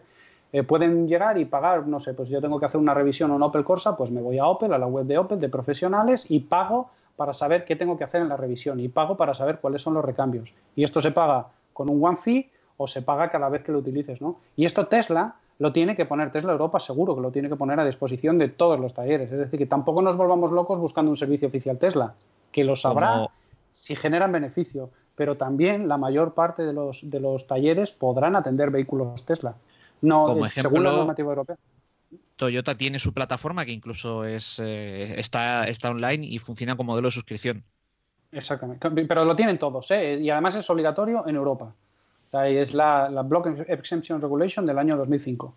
Y, es así, o sea, no nos volvamos locos. Lo que pasa es que tiene que haber suficientes Tesla como para que a los talleres les interese pagar esa cuota, que unas veces son 50 euros al mes y otras veces son 500. A lo mejor para atender Renault en España, pues eh, pues 500 eh, euros al mes está bien, pero para atender Tesla, pues no, porque a lo mejor te entra uno. De hecho, viendo las cifras de matriculaciones, en España se están matriculando aproximadamente 300 turismos eh, eléctricos, solo eléctricos, no me refiero a híbridos, solo eléctricos al mes, y 150 furgonetas. De los 300, aproximadamente entre 22, 23 y 30 son Teslas, cada mes. O sea, estamos en una cuota de mercado del 0,022% de eléctricos. Claro, eso para que la red de postventa se forme no es suficiente. Y también es el, cuento del huevo y la gallina. No se compran más porque no hay red de postventa, no hay red de postventa porque no se compran más. De todas maneras, Ramón, yo para mí hay una diferencia de Tesla. Yo siempre he dicho que al final esta gente lo que nos está vendiendo es un know-how de, energía, de cómo son capaces de tener las baterías que tienen. Ahora, si, y corrígeme si me equivoco, y igual Paco también lo sabrá, Creo que al principio cuando te comprabas un Tesla, eh, lo que era la carga de la, de la batería en un supercharger era gratuito y ahora tienes que pagar, ¿no? Hmm. Eh, en, los en los modelos y en los Model X todavía puedes, todavía... puedes sí, ah. todavía puedes conseguir formas de, conseguir carga gratuita. En el Model 3 ya de, de, principio ya será de pago en, el super, en el Supercharger. Ah, vale. Aquí en España, si no recuerdo mal, eran 0,24 euros el kilovatio hora. 0,24. No, yo lo decía porque no será este tema de las recargas una fuente de ingresos a futuro y una estrategia interesante para ellos. oye, yo monto aquí mi red de gasolineras, surtidores de electricidad, entre comillas, pero oye, es que yo voy a sacar una cantidad de dinero de aquí porque si todos los coches que voy a empezar a vender, todos van a pasar por el aro. Y, y, al final mm, todos tienen que ir a morir aquí al palo, que es a recargar en mis superchargers cuando están de viaje. Eh, claro, a 0,24, mm, vamos, esto es eh, una fuente inagotable de, ingresos. Mm, no, sé si. ¿No? No, no, porque si tú, si tú estás fuera de mercado, habrá, llegará otro que estará dentro del mercado. Llegará otro que lo ofrecerá a 0,22, a 0,18, a 0,15 y, y, así. O sea, tú no. imagínate que en vez de poner 0,24 pusieran 0,74. Pues lógicamente la gente no iría. Al final, si tú estás fuera de mercado, viene un competidor que, que, se mete dentro del mercado. Sí, pero el competidor de momento va para largo, ¿eh? que es lo que comentábamos. Es la, es la diferenciación de esta gente. Pero si matriculamos, si matriculamos en España 23 al año, ¿qué queremos? Yo he estado viviendo en varios países de Europa y lo, contaba Saúl en sus vídeos que, que, para cargar en puntos de carga tenía que tener tarjetas eh, prepagadas de la sociedad francesa de tal, la sociedad francesa, dependiendo del punto de carga. En Italia, los puntos de carga se abren con la tésera sanitaria, que es el carnet de la seguridad social en Italia. O sea que si tú no eres italiano, no puedes recargar tu vehículo si no es un Tesla y te vas a un supercharger. Todas esas cosas, mientras se sigan matriculando, que te voy a decir, 700 Tesla o en, Europa cada mes, no cambian. Pero si se matriculan 70.000, entonces cambian y aparecen proveedores. Pero eso es el mercado. Pues sí, sí, la verdad es que no te digo que no. La verdad es que el, tema de Tesla, yo muchas le he dado muchas vueltas para ver de dónde podría intentar rascar algún céntimo. Seguramente los más le habrá dado alguna más que yo. Y, y me parecía como viable el sentido de, de intentar mantener esa red de distribución con alguna diferenciación sobre los demás. Bueno, de momento la diferenciación es que los demás no la tienen y ellos sí. No sé si esto seguirá evolucionando en el que cuando los demás lleguen el año que viene, porque puede pasar esto, que el año que viene nos volvamos a sentar aquí y decir, mira, lo mismo que en el anterior decíamos que estaban solos en el mercado y pasado un año ya habían presentado modelos, ahora ha pasado otro año y ahora ya todos tienen su red de distribución al menos empezada, no al mismo nivel, pero por lo menos han empezado. Pero claro, mm, tampoco sé si dentro de un año con la democratización de todas las redes de distribución, porque las gasolineras no están haciendo grandes cosas, ¿eh? Yo, yo mira, ahí sí que esperaba eh, y lo estoy intentando mm, que no se me escape la noticia, ¿eh? en el sentido de que en cuanto salga una noticia en el que vea que una gasolinera cambia, digamos, el modelo actual o se actualiza o hace reformas y, empezamos a ver que en vez de cinco surtidores hay cinco surtidores de gasolina y dos eléctricos. Pero es que no veo grandes movimientos en las gasolineras. lo están haciendo, ¿eh? Sí. Lo están haciendo, sí. Pues no, me estoy enterando. No sé, no, eh, Cepsa, por ejemplo, ha llegado a un acuerdo con Ionity para hacer para montar eh, cargadores de, Ionity en, sus gasolineras. Eh, aquí en Gerona, por ejemplo, pues tienes gasolineras también con puntos de carga. están, están probando y se están se están adaptando, entiendo, y probando, pues realmente si ese modelo de negocio puede, puede, puede funcionar. Y bueno, yo creo que sí pero se, están, se están moviendo, sí, sí. Pues, y te hablo, de, te hablo, de, gasolineras, eh, no recuerdo la marca, pero no es una marca conocida, las que están aquí en Gerona, por ejemplo. son... Vuelvo a ser pesado. En, en, en mayo se matricularon 135.000 coches. 135.000, de los cuales 300 fueron eléctricos. Entonces, eh, si tú tienes una gasolinera, ¿a quién te vas a dedicar? Si tú tienes una gasolinera en la autopista, no sé, sí, pero tienes que empezar a hacer movimientos, Ramón. a ver.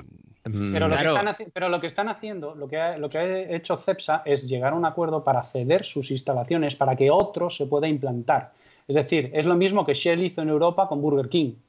Shell no vende hamburguesas. Shell le cede el espacio a Burger King en toda Europa para que Burger King venda sus hamburguesas y le pague lo que, lo que le pague.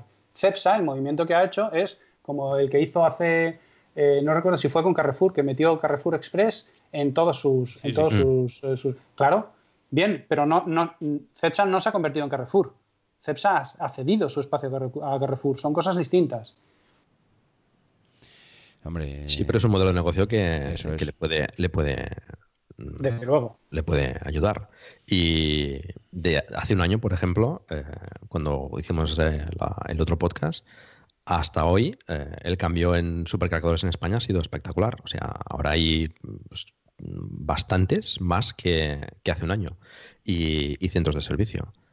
Eh, Faltaba, eh, Paco, estaba como todavía pelín descubierta la zona para ir hacia, hacia Galicia, ¿no? Sí, faltaban, faltaban bastantes, O sea, prácticamente estaba solo el, litoral mediterráneo y, poca cosa más, y, con bastantes eh, carencias. Pero ahora mismo, pues eh, no te diré que puedes ir a casi cualquier sitio a España, pero y a Portugal. En Portugal ahora mismo hay cuatro y hay, y hay previsión de montar más. Y sobre todo el, sur, ¿no? También, aparte de Sevilla, etcétera, también, también hay, hay previsión de, unos cuantos más.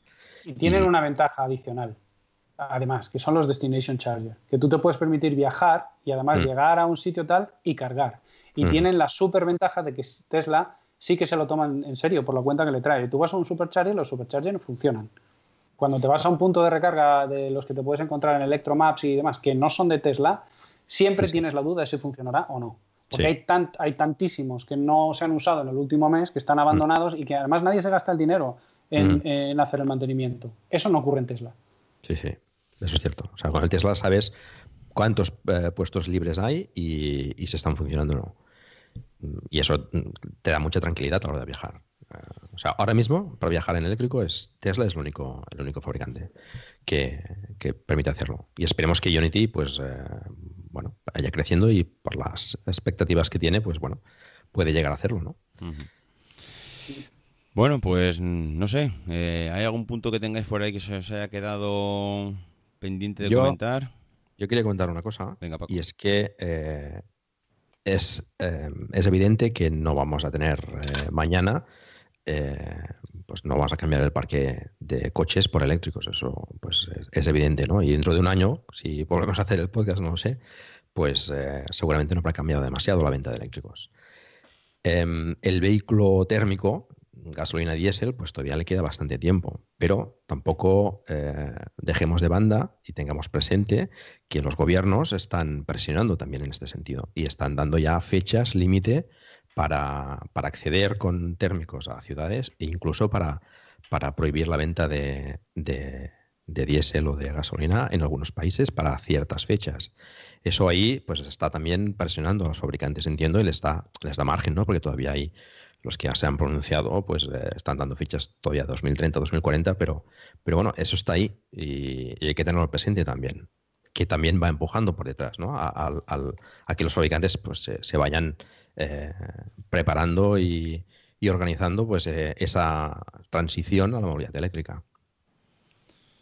Es una espada de doble filo eso. y tienes, tienes toda la razón que los políticamente e incluso para ganar votos conviene bueno pues ser un poco trendy en estas cosas e intentar forzar lo más posible el vehículo eléctrico tiene su parte de dificultad. Y es que esto lo, comentamos eh, creo recordar en un podcast de, perspectiva es que los fabricantes europeos están agazapados. Están todos esperando que salga que salga eh, eh, reglamentación porque mientras no salga ellos no pueden hacer las, las inversiones para cumplir con esa reglamentación por ejemplo, eh, lo que decíamos de las furgonetas y de que ya hay normativa europea, no sé si está traspuesta ya a los países, pero hay normativa europea eh, que te da una tolerancia de 750 kilos o de una tonelada más de peso total para conducir con, el carnet B. Bueno, pues ahora todos los eh, fabricantes europeos tienen que rediseñar sus vehículos para aprovechar esto. No sé si, no sé si, claro, esto, esto es ponerle palos en las ruedas, porque al final, si tú tienes que esperar a que el político del turno eh, defina cuáles van a ser los límites para entonces tú hacer tus inversiones y poder presentar furgones eh, que tengan una capacidad de carga de dos toneladas, que es la que tienen ahora básicamente, con un peso máximo autorizado de cuatro y media, pues hasta que no te dicen que van a ser cuatro y medio, tú no puedes empezar. O puedes dar pasos, pero no puedes desarrollar tu tecnología. Es decir, que los gobiernos están intentando impulsar la movilidad eléctrica, cierto, pero no es algo bueno. Y, probablemente el otro ejemplo lo tenemos en Estados Unidos, donde con mucha menos intervención gubernamental salen compañías como Tesla, que, te, que permiten ir abriendo el camino y ir abriendo un poco, rompiendo el hielo, y luego probablemente la normativa se vaya adecuando a lo que hay en el mercado, ¿no? Y poniendo ciertos límites, acotando ciertas cosas, pero permitiendo que, que sean las empresas las que vayan un poco investigando y, e innovando, ¿no? Pero no, perdamos de vista que en algunas ciudades hay problemas serios de contaminación. ¿eh? Es un problema también de, salud. ¿eh? O sea, la transición a la movilidad eh, no, no, ya no solo eléctrica, sino no contaminante, pues se va haciendo cada vez más necesario. Sí, sí, absolutamente de acuerdo. Y no perdamos tampoco de vista a Emilcar con su confirmación empírica de que no todo el mundo vive en el centro de Madrid. Correcto. Y que, y, que, las empresas de automoción no pueden sobrevivir vendiéndole coches solo al distrito postal 280 y al 080. En fin. No, no, esto, esto, tardará mucho tiempo, es, es, evidente. ¿Cuántos coches se venden al año en, España, por ejemplo? Más o menos. ¿Un millón? Pues depende. En los, en, los peores años no llega, en los peores años no llegó al millón, se quedaron en 976.000. En los mejores años estábamos en el 2005, 2006, 2007 estábamos por encima de unos 6 millones. Pues para, que, para que esas ventas se transformen en eléctricas, yo creo que todavía tiene que llover bastante. ¿eh? Pero, pero por, ser honestos ¿no? Con, la gente que, o desde mi punto de vista, ¿no? con la gente que, con la gente que nos, escucha, es que no se van a transformar. O sea, no, todas las ventas se van a transformar. Y en el 2040 seguiremos teniendo aplicaciones y vehículos de combustión interna mucho más limpios que los, que, los de hoy, igual que mm. los de hoy son infinitamente más limpios que los de hace 20 años. Pero no, no, no, yo, yo creo que no conviene dibujar un futuro en el que todos los coches van a ser eléctricos, porque no será así. Y ni, incluso conviene dibujar un futuro en el que los usuarios de coches se vayan a comprar un vehículo eléctrico. Igual que hay un montón de usuarios de coches esperando poder comprarse un coche autónomo. ¿Qué, sentido tiene comprarse un coche autónomo? Pues lo alquilarás cuando lo necesites, pero no vas a tener un vehículo que, que para ti, que no te necesite a ti. ¿Me explico? ¿Qué sentido tiene tener guardado en el garaje un coche autónomo? Yo ahí soy un poco, eh, no sé cómo decirlo, creo que cuando nos queramos dar cuenta, el tema de los coches autónomos nos va a superar, en el sentido de que Eh, lo mismo que ahora un chaval no quiere cuando tiene, cumple 18 años, o no, no es que no quiera, sino no le preocupa el tener un carnet de conducir, eh, eso va a ir ligado a que posiblemente los coches vengan a buscarnos a casa cuando, cuando con una aplicación de móvil lo solicitemos. Y que hagamos, tengamos ese servicio, mm, llévame allá, llévame al otro lado, mm, vendrá un coche sin conductor, por supuesto, y, todo esto del coche eléctrico y, las grandes ciudades se va a ver para mí transformado por todo este tema de, la tecnología, de la solicitud de un servicio, porque hoy en día prácticamente todo se está pasando a los servicios. Ahora ya es eh, quiero hacer esto y pagando, eh, suscríbete, 6 euros al mes, haz esto. Y en el momento que haya una de las empresas de automoción que, que, yo creo que algunas ya están haciendo, vamos, ya están apostando por el tema de, no del, no del coche autónomo, sino del car sharing y poder hacer, no sé, diferentes investigaciones a ver cómo está el mercado de Maduro, ¿no? Como alguna de un paso y haga una apuesta y una presentación al mercado de algo tan bestial como esto, y no hace falta que lo sea, que lo haga a nivel global, ¿eh? yo que sé, en una gran ciudad, en un Londres, en un París, en, en un Madrid, en un Barcelona, es decir, mire, a partir de ahora, si vives en Barcelona y utilizas esta aplicación, eh, olvídate de tener coche, yo te llevo donde quieras a un módico precio de tanto el viaje, o tanto la hora, o tanto el minuto. Para mí eso es lo que va a cambiar las ciudades y, va a cambiar la forma de que utilizamos los coches. O sea, un Uber o un Cabify sin conductor. Sí, pero mm, no sé. Eh, pero eh. te das cuenta, te, das cuenta cuál es la principal barrera para que eso ocurra, es que haya una regulación de vehículos autónomos eh, que puedan circular por la vía pública. Y eso no será local, eso, tendrá que venir de Europa. Porque no puede ser una regulación distinta para cada país. Y para que los, los, los fabricantes puedan realmente empezar a vender vehículos autónomos a compañías de alquiler de servicios, Primero, esos, esos vehículos tienen que ser capaces, tienen que tener homologación para circular por la vía pública. Y hasta que no haya normativa, eso no, es, no, no, va a ser posible. Sí, pero si... Tú puedes tener... ese mismo, es, tampoco es mismo problema que ha tenido Audi. Tampoco es estrictamente necesario que sea autónomo. Es decir, puedes, puedes vender el servicio de movilidad eh, con conductor, por ejemplo. ¿no? Lo, lo, que están haciendo los taxis ahora, pues imagínoslo con una aplicación y organizado de forma que tú puedas contratar pues, tu movilidad para ir a trabajar o para llevar a los niños al cole o para hacer lo que sea. No tiene por qué ser estrictamente autónomo. Sí, sí, sí, algo así. Sí, sí, pero que eso ya existe. El, problema es que que sea autónomo requiere que haya un montón de regulación y un montón de normativa que en este momento aún no existe. Bueno, regulación normativa y, y que mm, las carreteras y las calles estén adaptadas. Yo no me puedo creer que con lo que hay ahora mismo a nivel de señalización en las carreteras, los coches van a ser capaces de circular. Porque si tienes una señal de stop que la tapa una rama de un árbol y el coche no ve la señal de stop, mm, ¿qué pasa? Ahí va a tirar para adelante y, se va a llevar a cuatro niños que pasan por allá. yo creo que algo más de lo que tenemos actualmente va a hacer falta para que la tecnología sea realmente útil. Y no será señalización, será balizamiento. y, nosotros no lo, veremos, pero todo eso es un todo eso, eh, todo eso es un proceso, lógicamente. Y no, va a ser algo que suceda de aquí a pasado mañana. Mm, yo es que creo que eso, no sé si nosotros lo vamos a ver, ¿eh? te digo, te soy sincero. Sí, yo, creo que sí. ¿Sí? Pero estamos en la parte más difícil del camino, que es conseguir una manera de hacer funcionar a humanos conduciendo con vehículos conduciendo sin humanos. Y eso, meter, los, mm. meter los dos mundos eh, a funcionar en el mismo momento, por el mismo sitio, es lo más complicado. Pero si es que aparte, eh, no pienses como que, eh, venga, va, eh, mañana solo se permiten coches autónomos. No, em, empezará como cosas graduales.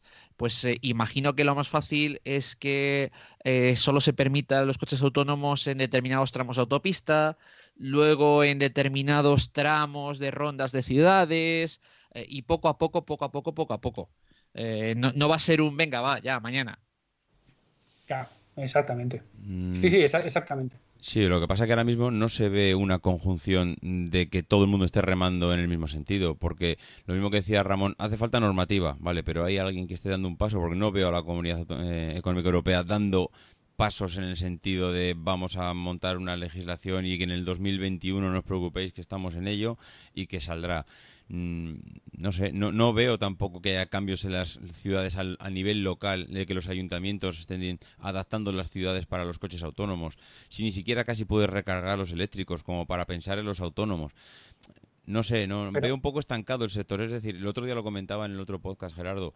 Creo que nosotros, los que estamos aquí hablando con un café eh, medio, parece que se nos va la mente mucho más allá. Estamos hablando de que mm, parece que el futuro lo tenemos claro, pero el día a día no está avanzando al ritmo que nosotros estamos pensando. Yo creo que va a ir más despacio de lo que realmente pensamos, porque es verdad que la tecnología a todo le mete una aceleración bestial, pero hace falta que luego lo que todos los están sentados en la mesa y todos los del sector vayan a esa misma velocidad y ahora mismo no van porque no están remando todos en la misma dirección. No, y, luego aparte eh, tienes que tener en cuenta otra cosa y es que, claro, mm, pensamos en la llegada del vehículo autónomo desde nuestro punto de vista actual es que a lo mejor para cuando quiera llegar el vehículo autónomo se ha capilarizado tanto el, eh, transporte eh, entre el car sharing, el scooter sharing, eh, los patinetes eléctricos,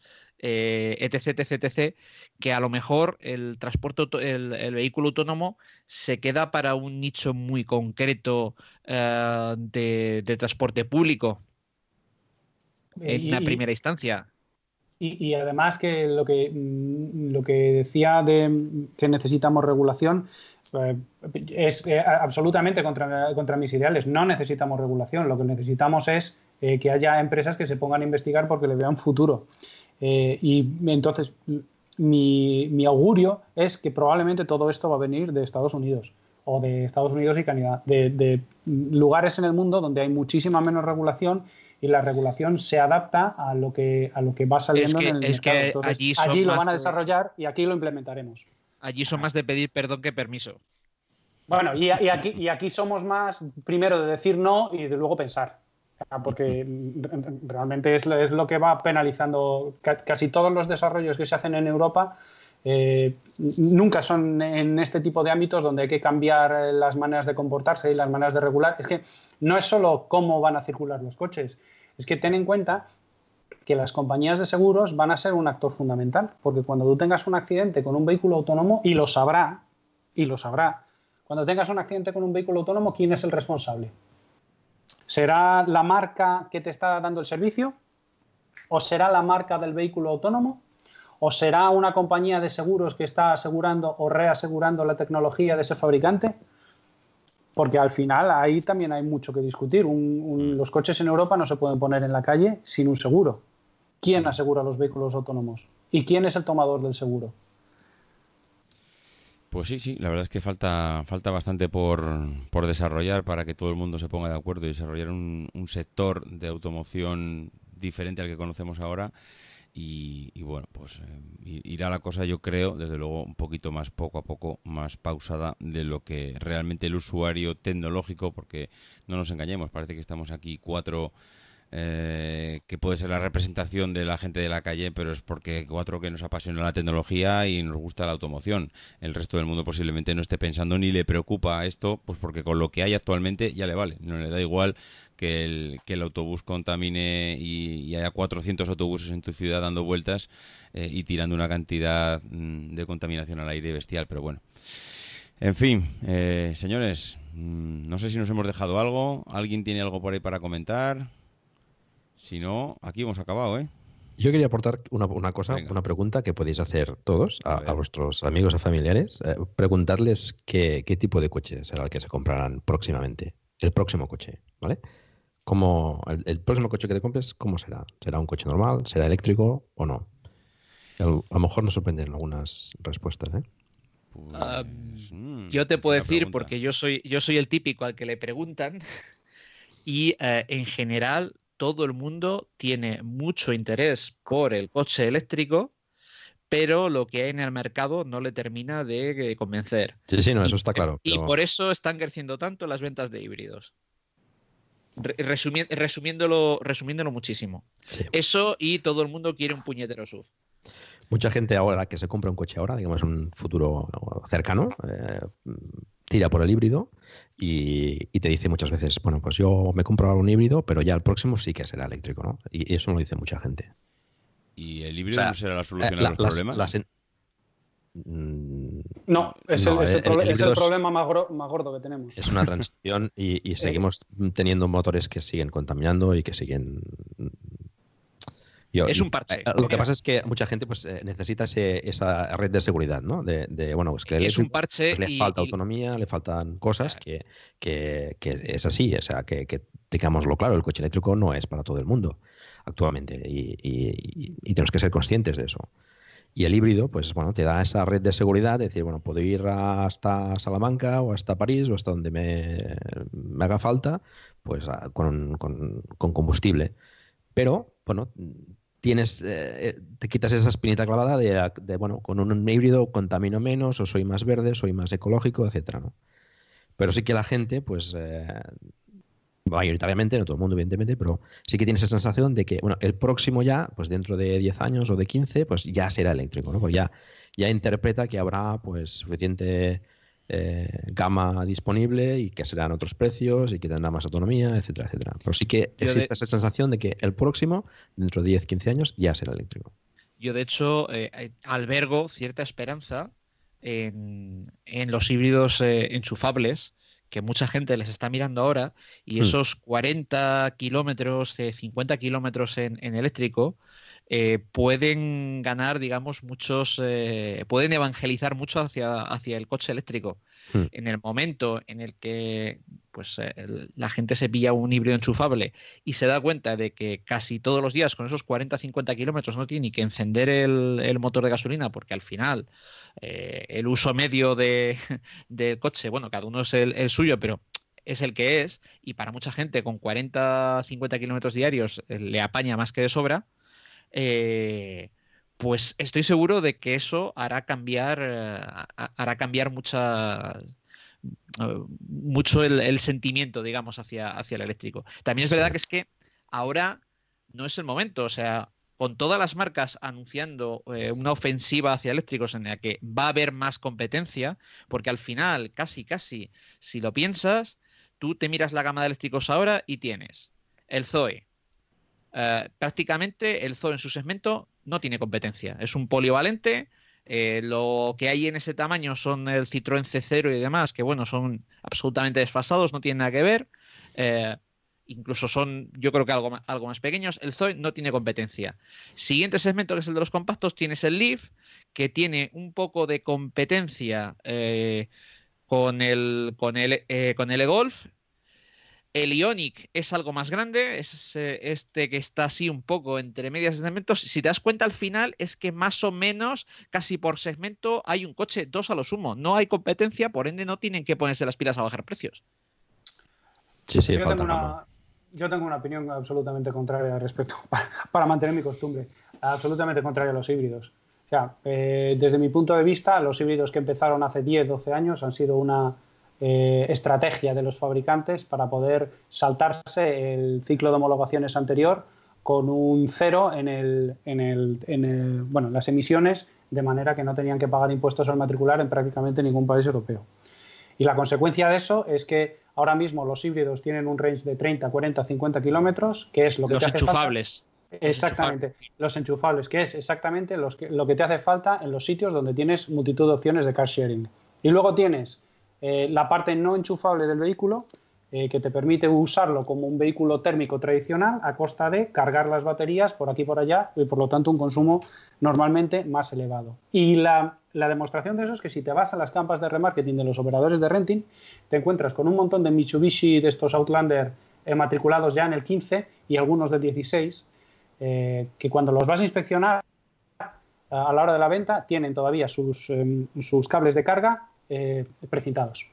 No se cargaron nunca, jamás. Se utilizaron siempre como térmicos. Y esto no me lo invento yo. Id a cualquier campa de, de Lisplan, de Arval, de ALD y miradlos, porque son coches que es puro marketing y te cuestan más, dinero, consumes más, por lo tanto contaminas más y no te están dando eh, ninguna ventaja porque la parte de uso eléctrico, esos 30-40 kilómetros los tienes casi siempre cubiertos con opciones de car sharing porque es lo que necesitas en los, en los núcleos urbanos. A mí me parece que los híbridos han sido un workaround de los fabricantes para saltarse la, los, enchufables. Porque los, híbridos eh, eh, no enchufables, como los de Toyota, por ejemplo, que quizás son los más conocidos, eh, al final, a mí, por ejemplo, yo pillé un híbrido para el taxi porque me permitía ah, tener consumos de diésel en ciudad sin tener un diésel. En ciudad. en ciudad. Porque en, carretera o te quedas pelín por encima o, te, o sea, con, suerte igualas eh, un, un, diésel, con suerte. Igual eh, si consigues tener un balance neto entre lo que te gastas de más subiendo, arrastrando las baterías, con lo que recuperas bajando, cargándolas. Exacto, sí. Eh, en, llano no, es un horror. Pero desde luego, o sea, como solución para ciudad, en la que el consumo es imbatible y encima te quitas el motor, el motor, el motor diésel, que además eh, yo estaba harto del motor diésel porque al final e, el, uso del taxi, aunque necesita de bajo consumo, es el peor posible para el diésel, constantes arrancadas en frío. Eh, cosa que con, el, híbrido mitigabas. Eh, yo es que estaba harto del diésel por, por fiabilidad. Al, final, el día que haya alternativas reales y que los problemas de los eléctricos con sus baterías de range y de tiempo de recarga se superen, no habrá híbridos en las ciudades, será todo eléctrico. no, es que no tiene ningún sentido. Bueno, pues yo creo que hasta aquí vamos a llegar, ¿eh? Me parece que le hemos, hemos hecho un repaso bastante completito a cómo está ahora mismo todo el, todo el sector. Creo que después de un año hemos visto avances y, yo creo que habrá que ponerle fecha ya al año que viene, ¿eh? porque os veo con ganas ya de grabar el siguiente, el siguiente episodio. ¿eh? Bueno, pues eh, nada más. Eh, Ramón, muchas gracias. Disfruta de tus vacaciones y no sé si tienes algún viaje ya en breve, estás pensando ya en, salir ya zumbando, pero yo creo que de momento, de momento estás por Madrid, ¿no? Eh, sí, de momento, de momento, bueno, el mes de agosto sí, el mes de agosto voy a estar, iremos a, a la costa, lógicamente, pero, pero este mes nos quedamos en Madrid. Y muchas gracias por invitarme una vez más. ¿eh? No, no, hombre. Y, gracias a Gerardo y a Paco también. Pues eh, Gerardo, eh, ¿pasas el verano en Valladolid o eres de los que te mueves? Eh, bueno, ya sabes que me muevo bastante por definición y más ahora que tengo tiempo libre, que esto es una cosa que estoy descubriendo. no, sí, nos, bajaremos a la costa la segunda quincena de, de, agosto. Estas cosas que estoy descubriendo, esto de haber sido autónomo tanto tiempo. sí, sí, esto es un cambio de vida total. Bueno, pues nada, muchas gracias por, por venir, un auténtico placer y nada, vete apuntándote también la fecha para, para el año que viene, que habrá que repetir otra vez. Eh, por supuesto. Muy bien. Eh, Paco, oye, este, este episodio lo sacaremos también en Plug and Drive, ¿no? Por supuesto, sí, sí. Ah, vale, vale, vale. Pues nada, oye, Paco, tú, tú ya estás en la costa, si es que tú estás a lo de la playa ya, tú ya lo tienes todo. Sí, la verdad es que aquí estamos... Eh, tenemos cerca de todo, montaña, playa. Sí, sí. No te puedes quejar, estamos, bien ubicados, sí. ¿Te vas a mover en vacaciones o...? ya las hice, ya las hice. Estuve en Suiza, eh, conocí a Carmela, por cierto, un saludo, Carmela. Ah, sí, sí. Y, por cierto, hay unos cochazos en Suiza, una pasada. eh, y de momento este año ya, bueno, haremos algunas más vacaciones, pero nos quedaremos por aquí. Sí, quedas por aquí. Pues nada, nada, yo aprovecharé también para hacer vacaciones. Mm, por un lado me, me daba, no sé, tenía tentaciones de sacar algún episodio de perspectiva en verano, pero creo que va a ser va a ser complicado porque me marcho a me marcho a Logroño un par de semanitas y cuando estás fuera de tu entorno, ya con el tema de la mudanza, ha sido tremendamente complicado grabar los dos o tres podcasts que he tenido que grabar este mes. Estoy aquí todavía adaptándome al nuevo entorno pero sí, sí, aprovecharemos para, para hacer un poco de vacaciones en agosto que, falta hace. Bueno, pues eh, nada más. A, todos los oyentes, muchas gracias por estar aquí. Que paséis unas buenas vacaciones y nos vemos en septiembre. Venga, un abrazo. Un saludo. Un abrazo. Adiós. Adiós. Este programa, como todos los de la red AV Podcast, se aloja en Neodigit, nuestro socio tecnológico que te recomendamos porque funcionan y porque responden. Puedes contactar con ellos en neodigit.net. Podcast. Sonido en red.